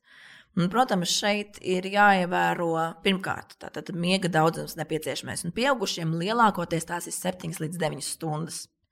Un to nepieciešamo miega daudzumu pavisam vienkārši var noteikt vislabāk brīvdienās. Ir sevišķi tie cilvēki, kuri pastāvīgi strādā un vienmēr ir miega badā. Atļaujiet sev brīvdienās izgulēties. Protams, ievērot visus miega pārdomus, jo, ja mēs naktī aizsēdēsimies līdz 3-4 naktīm, mēs gulēsim atkal pusi dienas. Uh, teiksim, aiziet vakarā normāli gulēt, un gulēt, kamēr jums, jūs pamostaties. Un nākamajā, nākamajā dienā to pašu. Un kaut kādā mirklī mūsu smadzenes nostādīsies uz to mirkli, kas ir mūsu ērtais gulēšanas laiks. Un es esmu noskaidrojis, ka man vislabākais ir 8 stundas. Ja es noguļu 8 stundas, es no rīta pamostos bez jebkādām problēmām un jūtos svaiga kā gurķītis. Ja ir mazāk, tad man ir grūtāk, un vairāk man vienkārši negribas gulēt. Ja? Ja, izņemot tad, no es vairāk gribu gulēt, ja man ir bijis kaut kāds miega parāds iepriekš. Tātad tas būtu uh, pietiekams miegs. Lielākoties pieaugušiem tas tiek līdz 7 līdz 9 stundu uh, robežās. Tomēr, ja cilvēks guļ pietiekami daudz miega, bet nejūtas labi, vai guļ daudz vairāk, tad tur noteikti ir kāda problēma. Miegs nav kvalitatīvs. Tas nozīmē, ka cilvēkam kaut kā viņš teorētiski jūtas, ka viņš būtu gulējis visu nakti, kaut kas notiek. Vai nu viņam ir šī obstruktīvā miega apnē, kas ir ļoti bie, viens no biežākajiem iemesliem. Viņš krāts, viņš aiztur elpu, viņš smadzenes viņu pamodina. Um, un tāpēc viņš, viņa miegs ir ļoti sašķelts. Un, pieņemsim, es esmu redzējis cilvēkus, esmu skatījusies miega izmeklējumus cilvēkiem, kuri stundas laikā aiztur elpu 120 reizes. Un šī elpas aiztur uz vismaz uz desmit sekundēm. Praktiski šāda veida cilvēki vairāk nelpo nekā elpo. Un um, kvalitīvs, kvalitīvs miegs būtu tieši tāds, kurš guļot pietiekamu miega daudzumu, liek mums justies labi. ņemot vērā arī miega daudzumu un, un, un miega kvalitāti, vēlos pieminēt vienu pētījumu, kurš parāda, kā novērtēt savas spējas. Un pētījumā tika uzaicināti uz dalību vairāk pieaugušie cilvēki, un viņus sadalīja četrās grupās. Viena grupa drīkstēja gulēt uh, 8 stundas diennaktī, otra - 6, un trešā grupa drīkstēja gulēt 4 stundas diennaktī. Es gan nezinu, kā tā uh, trešā grupa vispār spēja to pavilkt. Un šādi, šādi viņiem lika ievērot režīmu divas nedēļas. Ceturtajai grupai vispār neļāva gulēt trīs diennaktis. Un pēc tam visām šīm grupām lika izpildīt dažādus atjautības, reakcijas un domāšanas uzdevumus. Kā tev, kā tev šķiet, kuri izpildījuši uzdevumus slikti? Nu, tie, kas trīs diennaktis nav vietas, nevarēja gulēt. Un pārējie? Nu, tad eh, četrstundīgie gulētāji arī droši vien slikti izpildīja. Patiesībā izpildīja arī sešstundīgie gulētāji sliktu šos uzdevumus. Nu, protams, tie, tie, tie, tie ekstrēmie negulētāji sliktākie, ja, bet astoņstundīgie gulētāji izpildīja labi uzdevumus, un vispārējie slikti. Un kas ir vissvarīgākais? Man vislabāk patīk tas secinājums, ka tie mazie mazgulētāji nemaz neapzinājās, ka viņi uzdevumus izpilda slikti. Viņiem šķita, ka viņi ir devuši savu 100% un ka viņi ļoti labi, nu, katrā ziņā viņi neskatīja nekādas problēmas savā performancē. Un tas man bieži vien liek padomāt, ja es esmu kādu reizi mazāk gulējusi, vai, vai teiksim, kaut, kāda, nu, kaut kādas tiešām dienas man kaut ko sanācis tur neizgulēties, ka manas darba spējas nav tik labas, cik, vai vispār arī spriest spējas nav tik labas, cik viņas varētu būt, un es to neapzinos.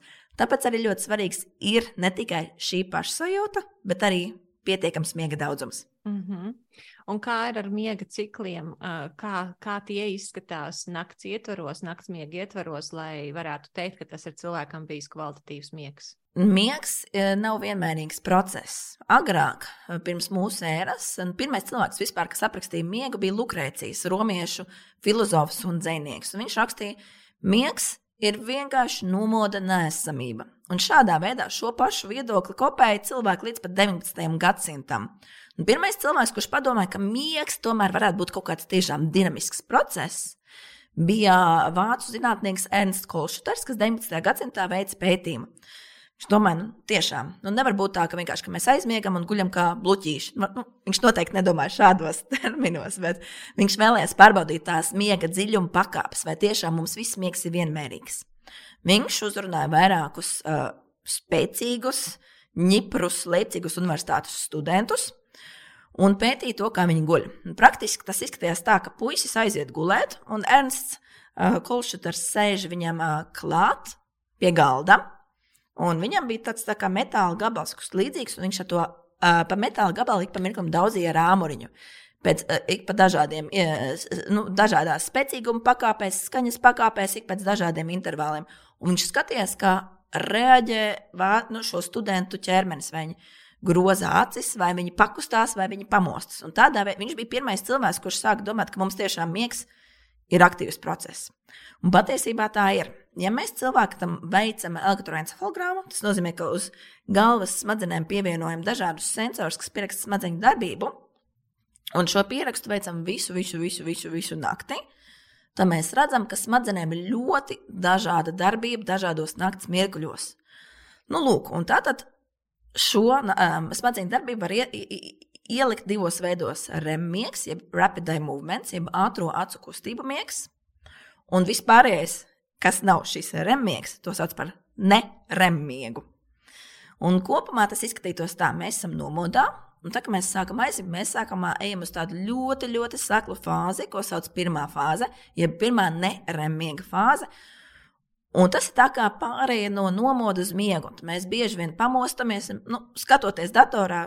Tas ir viens no maniem pienākumiem. Es tieši veicu šos izmeklējumus.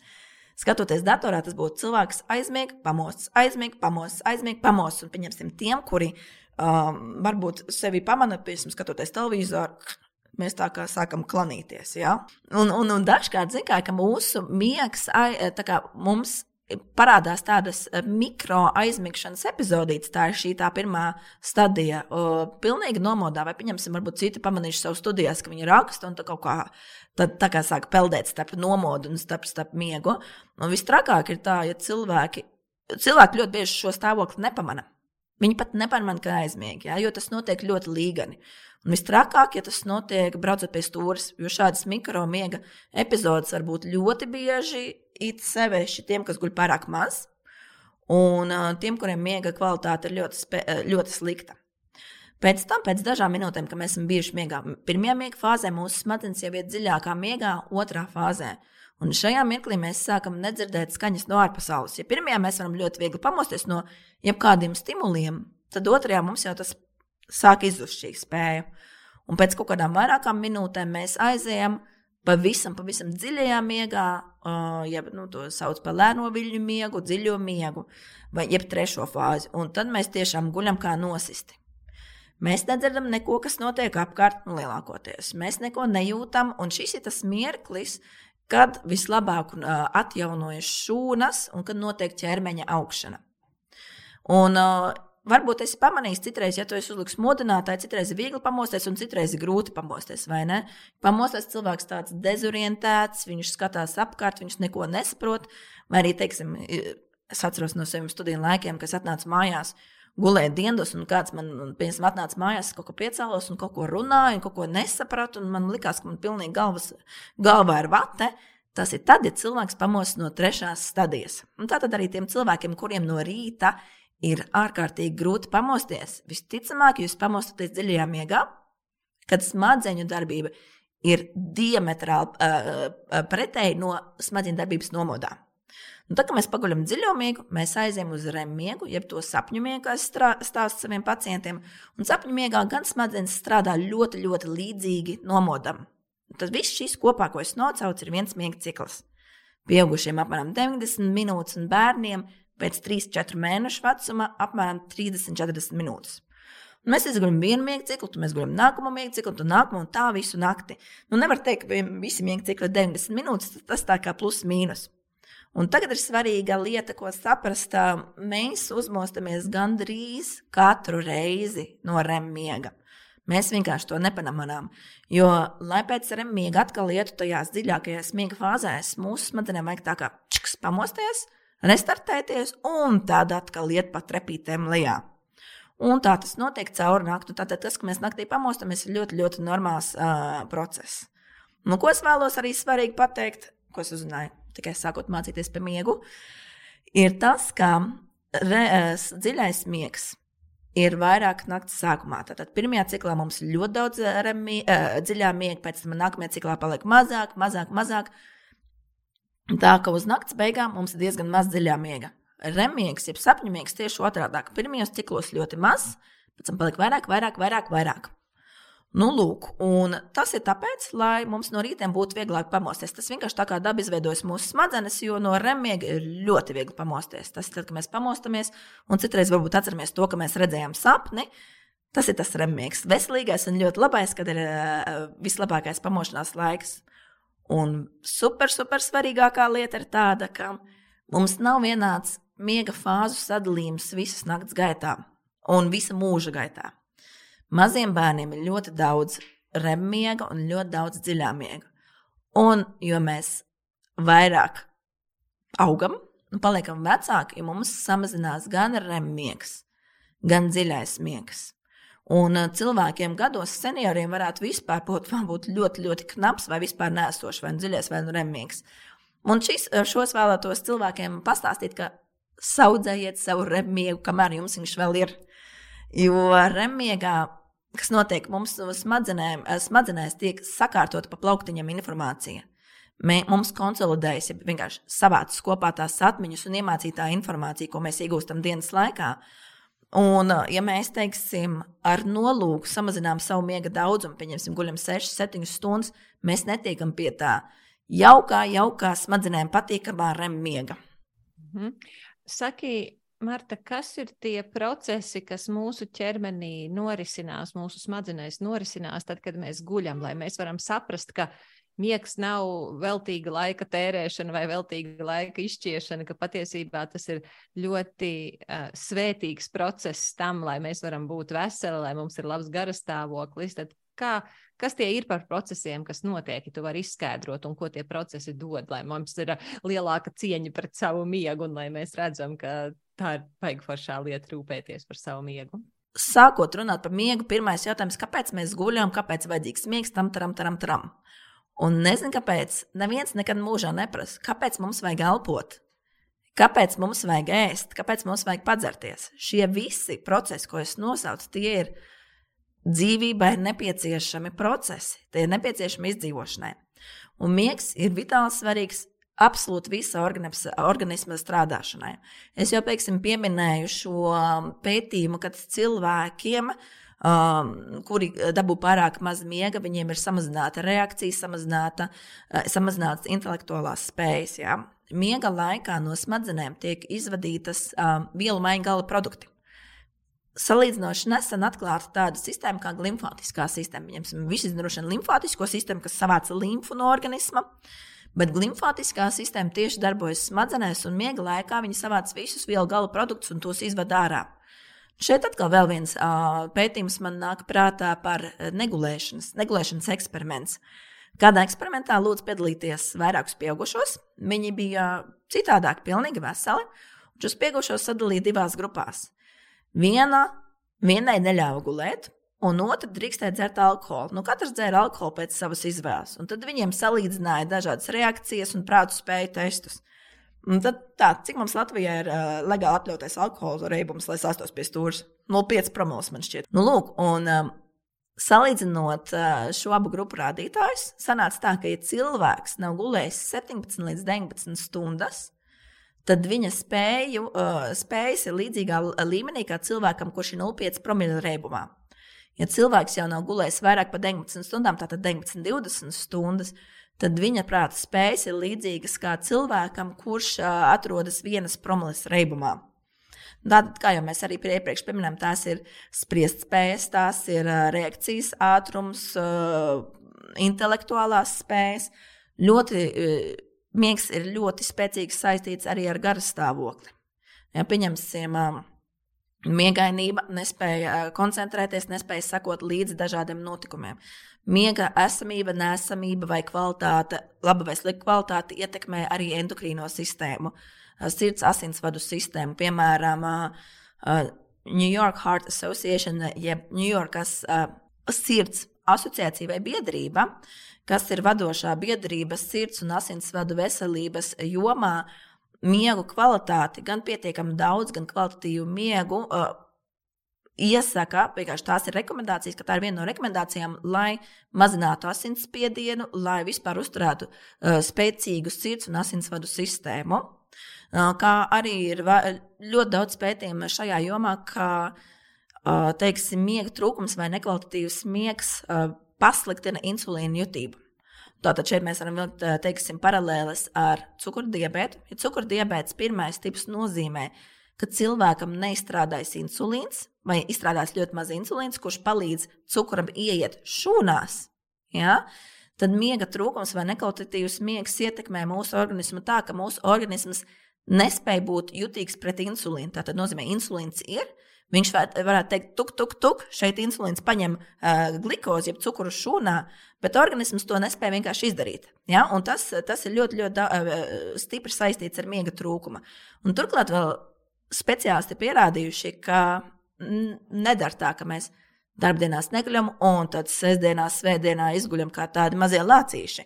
Un tieši šādas tās fluktuācijas viņas uh, vēl vairāk, spēcīgāk ietekmē uh, šī insulīna rezistence, jeb insulīna nejūtības rašanos. Un, uh, kas, pieņemsim, vislabāk runājot par piemēriem, teiksim, miega trūkums uh, ir bieži vien izmantots kā spīdzināšanas metode. Piemēram, tas notika 15. un 16. gadsimtā Skotijā, kad uh, konkrētas sievietes ap, uh, apsūdzēja buršanās un raganismā Tad, lai no viņām izsistu uh, atzīšanos, viņām neļāva gulēt trīs diennaktis. Ja? Un pēc trim diennaktiem, nu, varbūt arī vairāk, ja, bet pēc trim diennaktīm šīs sievietes jau bija pilnīgi spējīgas uh, atzīties, jebkamā, kamā viņas apsūdzēja. Ka viņas dejo ar vēlnu, ka viņas runā ar dzīvniekiem, ka viņas lido, ka viņas dara visu atzīšanās rokā. Super! Šāda paša veida spīdzināšana ir Guantānamo cietumā, šāda pat uh, uh, spīdzināšana izmantota pavisam nesen uh, pret uh, Navaļniju kuram kā, kurš atrodas cietumā, un viņi noteiktos intervālos visu laiku modina. Un, teiksim, cietumsargā aizbildinās ar to, ka tas ir, lai pārbaudītu, ka viņš nav aizbēdzis, bet realitātē tā ir spīdzināšana. Un, teiksim, miega deprivācija, miega trūkumu tādā spīdzināšanas pasaulē sauc par maigo spīdzināšanu, jo neredz zilumus. Ja, un, ja, šāda veida metodas, man liekas, ļoti, ļoti parāda, cik mums smiegs ir vitāli smadze, smadzenēm uh, nepieciešams. Man liekas, tāda miega trūkuma eksperimenti daudz labāk to parāda nekā jebkas, ko es pateiktu. Jā, man liekas, ka Navaļnī gadījumā viņam vēl liek, es nezinu, vai viņa kameras biedru vai blakus kameras biedru, kas uh, ir psihiski slims cilvēks, kurš auro stundām, naktī auro, baisi auro, nu, tā ka pat nogurušam tur nesenāk gulēt. Nu, cik es atceros, lasījusi viņa ierakstos. Nu, tie patiešām ir šausminoši ieraksti. Ja mēs pārējām tagad uz uh, labajām ziņām, tad ko mēs varam darīt savas miega higiēnas sakarā? Es saprotu, ka jums Latvijas miega projektā jūs tam veltat reālas stundu stundas, tur, kur jūs dažādi speciālisti skaidrojat par uzturu, par ieradumiem, par dažādiem paņēmieniem. Tāpēc es, es saprotu, ka tu nevarēsi mums visu izstāstīt, bet, teiksim, kas ir tās pamata lietas, kas mums ir jādara, lai mēs eh, nodrošinātu sev nepieciešamo atjaunošanos, kas notiek miegā, lai mums ir enerģija un labs garastāvoklis un foršas kognitīvās spējas eh, nomoda laikā. Jā, miega projektā mums ir paredzētas četras lekcijas. Tātad viena būtu uh, tīri no manas puses, lai cilvēki vispār atpazīst, kas ir miegs, kāda veida problēmas var rasties, kurā mirklī meklēt ārsta palīdzību. Bet kopumā parasti projektā piedalās cilvēki, kas ir ļoti apņēmīgi, kas, ir, kas vēlas uzlabot savu dzīves kvalitāti. Jo, nu, teiksim, es pateikšu kādam garam gājējam, ej laicīgi gulēt vai nelieto viedierīces. Cilvēks bez motivācijas to nekad mūžā nedarīs. Ja? Un tas, ko mēs mācīsim cilvēkiem ir atzīt savas problēmas, atzīt tos faktors, kas viņam traucē, un palīdzēsim individuālā veidā rast risinājumu. Teiksim, eh, gan runāsim par kofeīnu. Iepriekšējā projekta pieredze mums arī ir tāda, ka cilvēki daži izmēģina kofeīnu dzeršanu, nedzeršanu vai dažādos veidos. Viņas, Eju, tiešām es nekad mūžā nebiju iedomājies, kā, cik ļoti tas ietekmē manu miegu. Tas pats arī par uzturu. Jo uh, Mums visiem šķiet, vienkārši uzturs, nu, labi, mēs kaut ko pēdām, bet patiesībā uzturam ir milzīga nozīme. Jebkurā cilvēka veselībā, pašsajūtā un, un, un tie produkti, ko mēs ēdam, ko mēs neēdam, kuros mirkļos mēs ēdam, tas ir dažkārt tiek pat, li, eh, var tikt lietots kā terapija un kā zāles uzturs. Ja? Lūk, un um, miega higiēna, kā es to risinu, uh, skaidroju saviem uh, pacientiem, teiksim, kā tev liekas, kas ir ķermeņa higiēna? Viņi saka, nu, mazgāties, iet dušā tīrīt zobus, ķemmēt matus. Es viņam prasu, kā tev šķiet, kas notiek, ja tu neievēro higiēnu, neiedušā, neķemmē matus, netīri zobus. Es kļūstu smirdīgs, man izkrīt zobi. Tie ir jaunieši pēc, kas to saka. Ja? Un es saku, tieši tas pats ir miega higiēna. Miega higiēna ir tāda veselīga paraduma, kas palīdz tavām smadzenēm aizmigt. Un kopumā miega higiēnas paradumus var sadalīt divos ļoti vienkāršotos uh, ieteikumos palielina nodarbes, kas tev uh, nomierina un palīdz, nu, palīdz nomierināties, palīdz relaksēties. Un samazina nodarbes tieši vakarā pirms gulēšanas, kas tev uztrauc un kas tev aktivizē. Ja? Bet kas to dara? Tad ir tik daudzi ieteikumi. Tā ir gan gulēšanas vide. Piemēram, ir cilvēki, kur pat neiedomājas, viņiem prasa, vai tev patīk tā gulta. Nu, jā, vai tev patīk tā istaba? Nu, nē, pārāk augsts. Saka, nu, tu varbūt paņem otru sagu. Ah, jā, es pat neiedomājos. Tas ir gan kofeīna lietošana noteiktos laikos. Pieņemsim, vienu cilvēku kafiju ietekmē vairāk, citus cilvēkus ietekmē mazāk. Tās ir gan atkarība no esošo vielu izmantošana, teiksim, alkohols. Jo citreiz cilvēki domā, ka viņam alkohols palīdz aizmigt. Jā, bet alkohols samazina miega kvalitāti. Tātad mēs vairākas reizes uzmostamies. Tas ir viedierīces, tas ir sports, tas ir ikdienas uzvedības, dažādas relaksācijas metodes. Tātad milzīgs, milzīgs kopums. Un tie cilvēki, kuri ir sapratuši, ka viņi varētu tikt ar šo galā, tas ir milzīgs, milzīgs solis. Un es pat esmu, pat arī esmu uz sevi manījusi, ka, teiksim, vasarā, kad ir gaisma, man ļoti vēl sāk nākt miegs. Un es aizslīdu, un es aizslīdu, un es aizslīdu vēlāk naktī, un ar vien vēlāk, un vēlāk, un vēlāk eju gulēt. Līdz no rīta man ir ļoti grūti pamosties, jo es esmu maz gulējis. Un es saku, stop, Marta, un attiecinātu savu vakara režīmu. Teiksim, es domāju, ok, tu iepriekš aizgāji gulēt, teiksim, iegāji gultā pusnaktī, un tad vēl, teiksim, palasīji grāmatu. Tagad saņemies un ieej gultā, teiksim, kaut vai 15 minūtes ātrāk. Un tad pēc nākamās dienas vēl 15 minūtes ātrāk, un tad vēl 15 minūtes ātrāk. Tā tad šis ir tas galvenais, svarīgākais un visspēcīgākais ierocis, lai uzlabotu savu miegu. Apzināties labu miegu higiēnu. Mm -hmm. Paldies. Man te ir jautājums par mazo bērnu vecākiem. Uh, Latvijā, ne, ne tikai Latvijā, arī daudz vietā tā ir iegājies, ka tā ir jaunās māmiņas problēma, ka nu, viņi taču dzīvo pa māju, viņi var pa dienu izgulēties, ka viņai ir uh, šis jārūpējas vairāk par tā mazā bērna miegu. Ir arī uh, Latvijā arvien vairāk, ne tikai Latvijā, bet arī sabiedrībā arvien vairāk tētu, uh, kas saprot, ka tās mammas tur pa dienu ir noņēmušās, nu, tad ļauj viņām pagulēt. Bet tomēr nu, vairumā gadījumu tā lielākā bērna negulēšanas slodze ir uz mammu. Tu esi bērnu ārsts. Kādi ir tavi ieteikumi, ko darīt vecākiem, kam nav tā netraucētā miega dēļ maza bērna. Tas, protams, zīdainis tas ir viens, viena situācija, kur nu, bērnam vienkārši puncis tukšs, viņš ēst grib, bet nu, arī lielākam bērnam, kuram puncis vēl ļautu izgulēt to miegu, bet tas miegs ir nemierīgs. Tad viens ir, ko darīt ar tādu bērniņu, Un otrs ir, kā organizēt šīs rūpes vai savu miedarbību pieaugušajiem vienam ar otru, lai nu, viņi paši par pēdējiem zombijiem nepaliek. Kas viņi tik un tā, principā, daudz kur ir, bet nu, var arī mazāk būt tādi zombiji. Man šis ir ļoti, ļoti sāpīgs jautājums. Ļoti sāpīgs jautājums, jo tiešām ir ārkārtīgi daudz vecāku, kurus ļoti smagi ietekmē šīs bērna negulēšanas periods. Un uh, praktiski uz manām poliklinikām, tā kā es strādāju epilepsijas un miega medicīnas centrā, bērnu slimnīcā, man ir valsts pieņemšanas. Man strādāju tikai un vienīgi ar miegu. Tikai. Un uh, man ir miega poliklinikas, un lielākā daļa pacientu, kas pie manis vēršas, tieši vecāki šādiem bērniņiem, kas neguva tieši kā tu raksturoji. Galvenais iemesls tam, kādēļ viņi pie manis vēršas, tāpēc, ka viņi nezina, kāds ir bērnu miegs. Un es uzreiz varu pateikt šādu jauno vecāku. Šī būtu atsevišķa saruna, ļoti, ļoti gara saruna.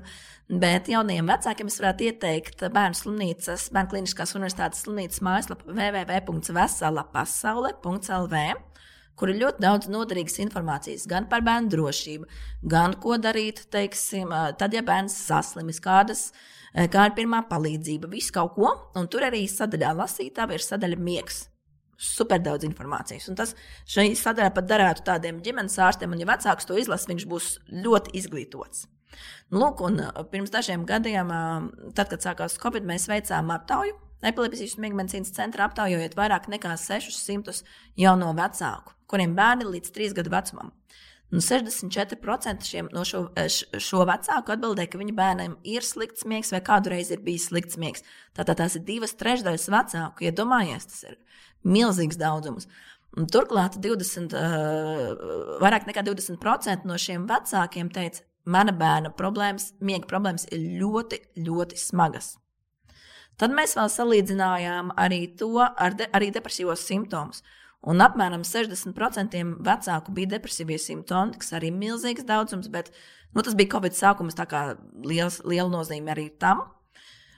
Bet, ja mēs salīdzinām labo gulētāju vecākus ar slikto gulētāju vecākiem, slikto gulētāju vecākiem depresīvie simptomi bija daudz, daudz biežāk sastopami. Tātad 70% slikto gulētāju vecā, vecāku bija depresīvie simptomi, bet tikai 50% labo gulētāju bija uh, uh, depresīvie simptomi. Visbiežākās problēmas, ko vecāki min šajā vecumā, ir tas, ka bērniņš pieceļas, raud un, teiksim, ir nomierināms tikai rokās vai, vai, vai teiksim, pie krūts. Nu, katrā ziņā viņš ir nomierināms.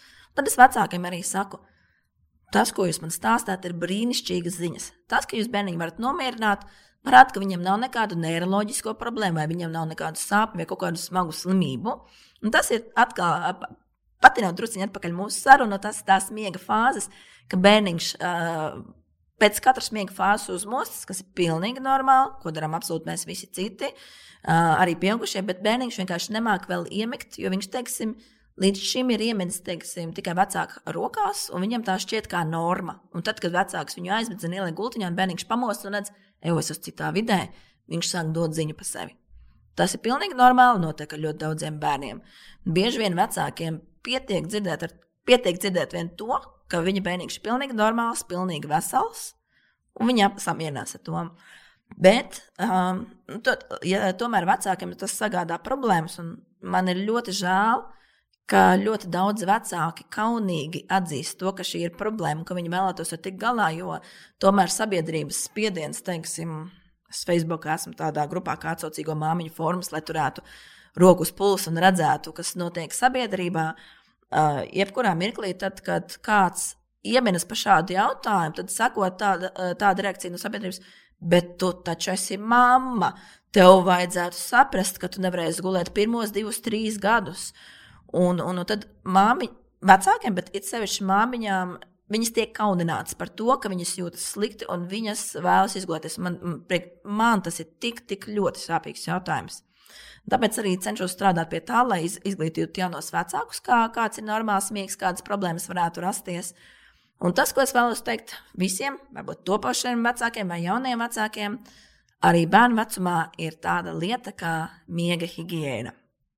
Ja, tur tie noteikumi ir drusku citādāki nekā pieaugušajiem, bet jebkuras miega higiēnas sastāvā ir gulētiešanas rutīna, kas ir patīkamas, nomierinošas nodarbes. Nu, pieaugušam arī vispār miega rutīna, ja, bet patīkamas, nomierinošas nodarbes, kas notiek katru vakaru vienā un tajā pašā secībā, plus mīnus vienā un tajā pašā laikā.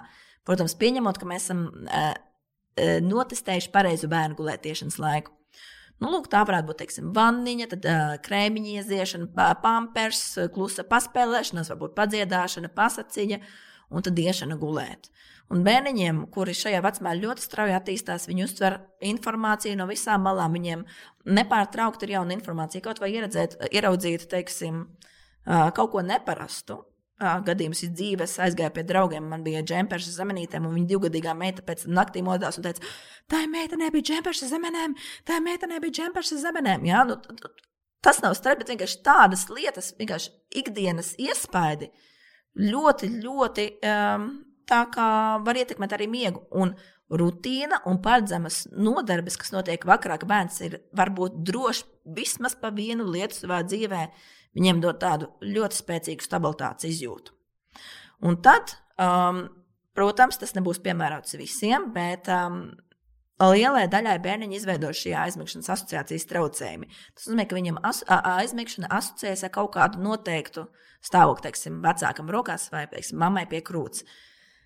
Var mācīt vecāku tādu uzreiz jau neizvietoties. Pēc kaut kāda 4, 5 mēnešu vecuma to var sākt, teiksim, bērniņu gultiņā ielikt vēl miegainu, nu, miegaini, bet vēl nomodā. Un tad bērniņš iemācās savu aizmigšanu saistīt ar gultiņu.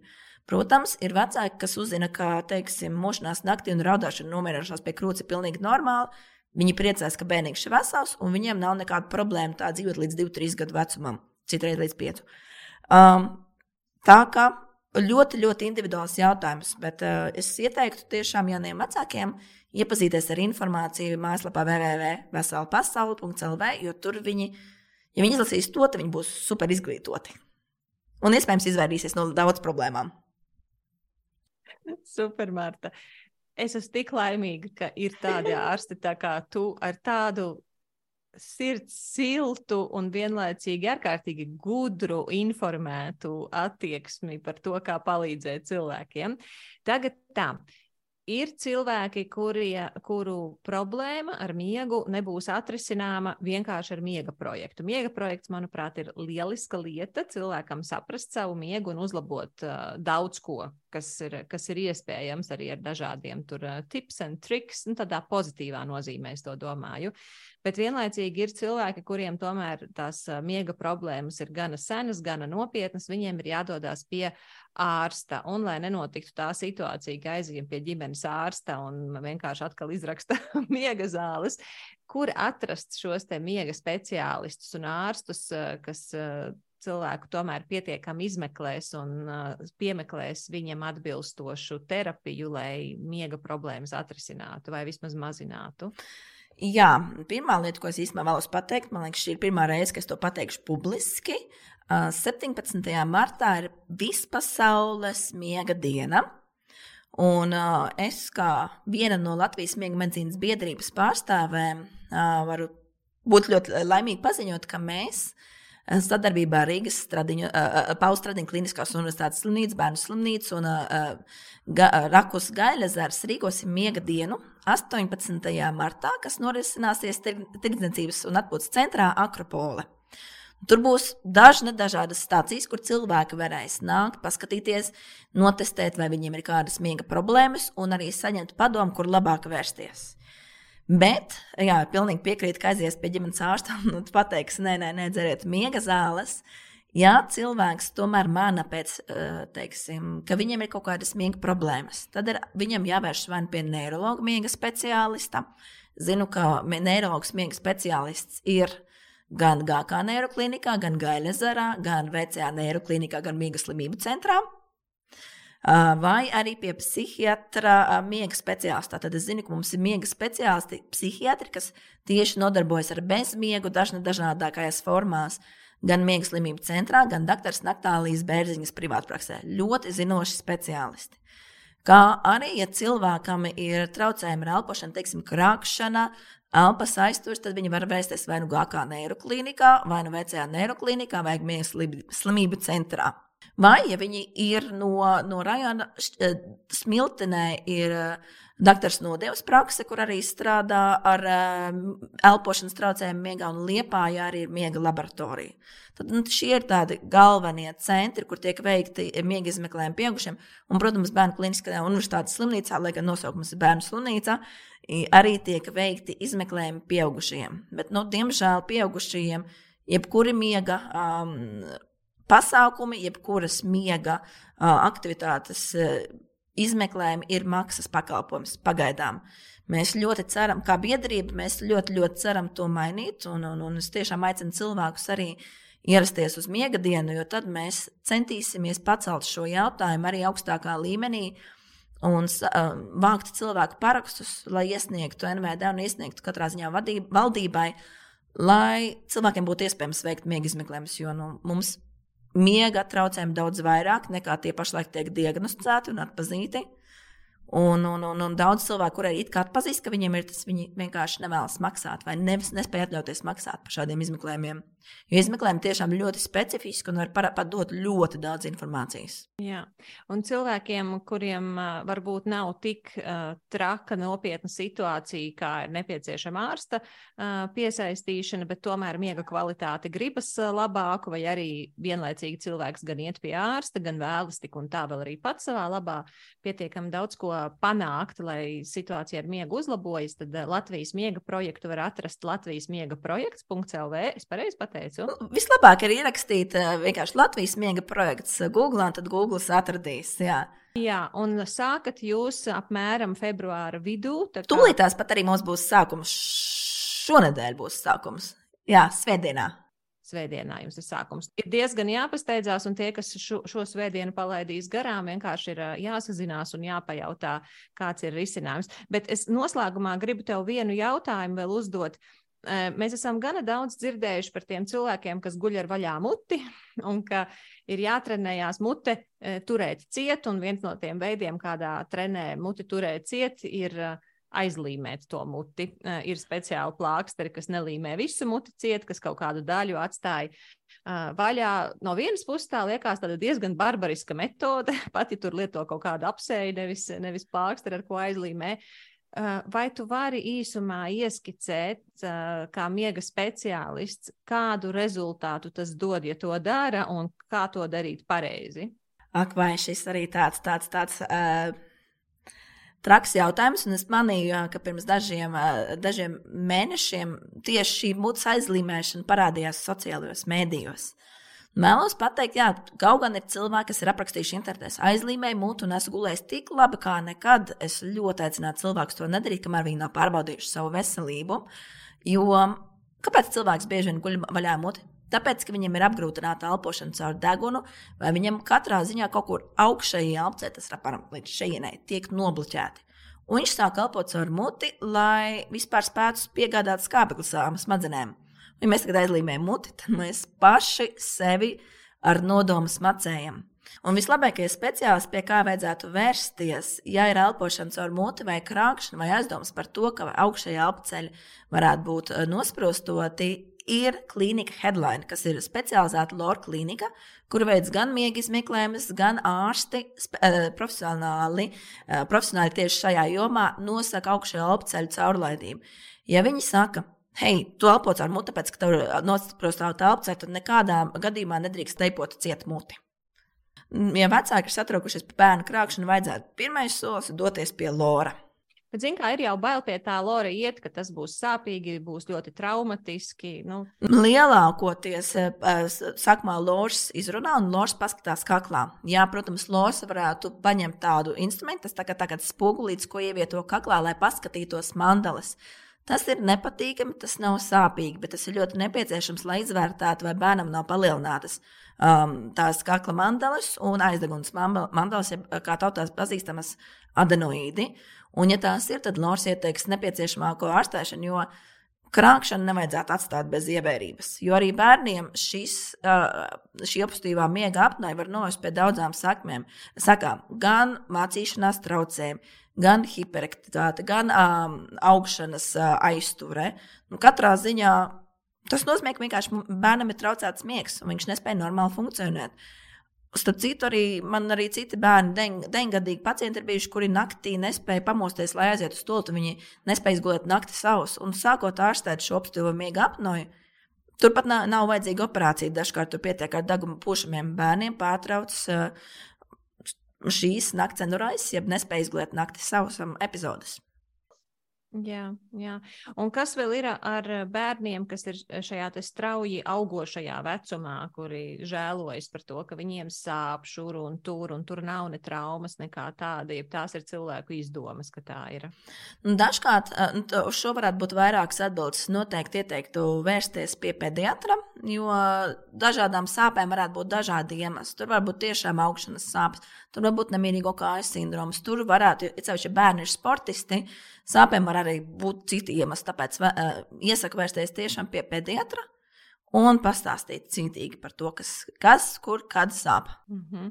Marta, viss, ko tu stāstīji, bija ļoti interesanti, ļoti vērtīgi, un arī nekas nebija garlaicīgs, kas, ir, kas arī ir kolosāls sasniegums, ja mēs spējam par savu veselību šādi klausīties. Kas mūsu sarunas noslēgumā ir tas, ko tu gribētu, kā lai cilvēki, kas tevi ir tagad noklausījušies, noskatījušies, ko tu vēlētos no viņiem, lai viņi kaut ko izdara, lai viņi kaut kā atbalsta, lai viņi kaut ko palīdz, lai viņi dod kaut kādu atgrieznisko saiti. Ka, kas tas ir, kā mūsu auditorija var būt tev noderīga? Es priecātos, pirmkārt, ja cilvēki pievērstu uzmanību savam miegam un dotu miegam iespēju.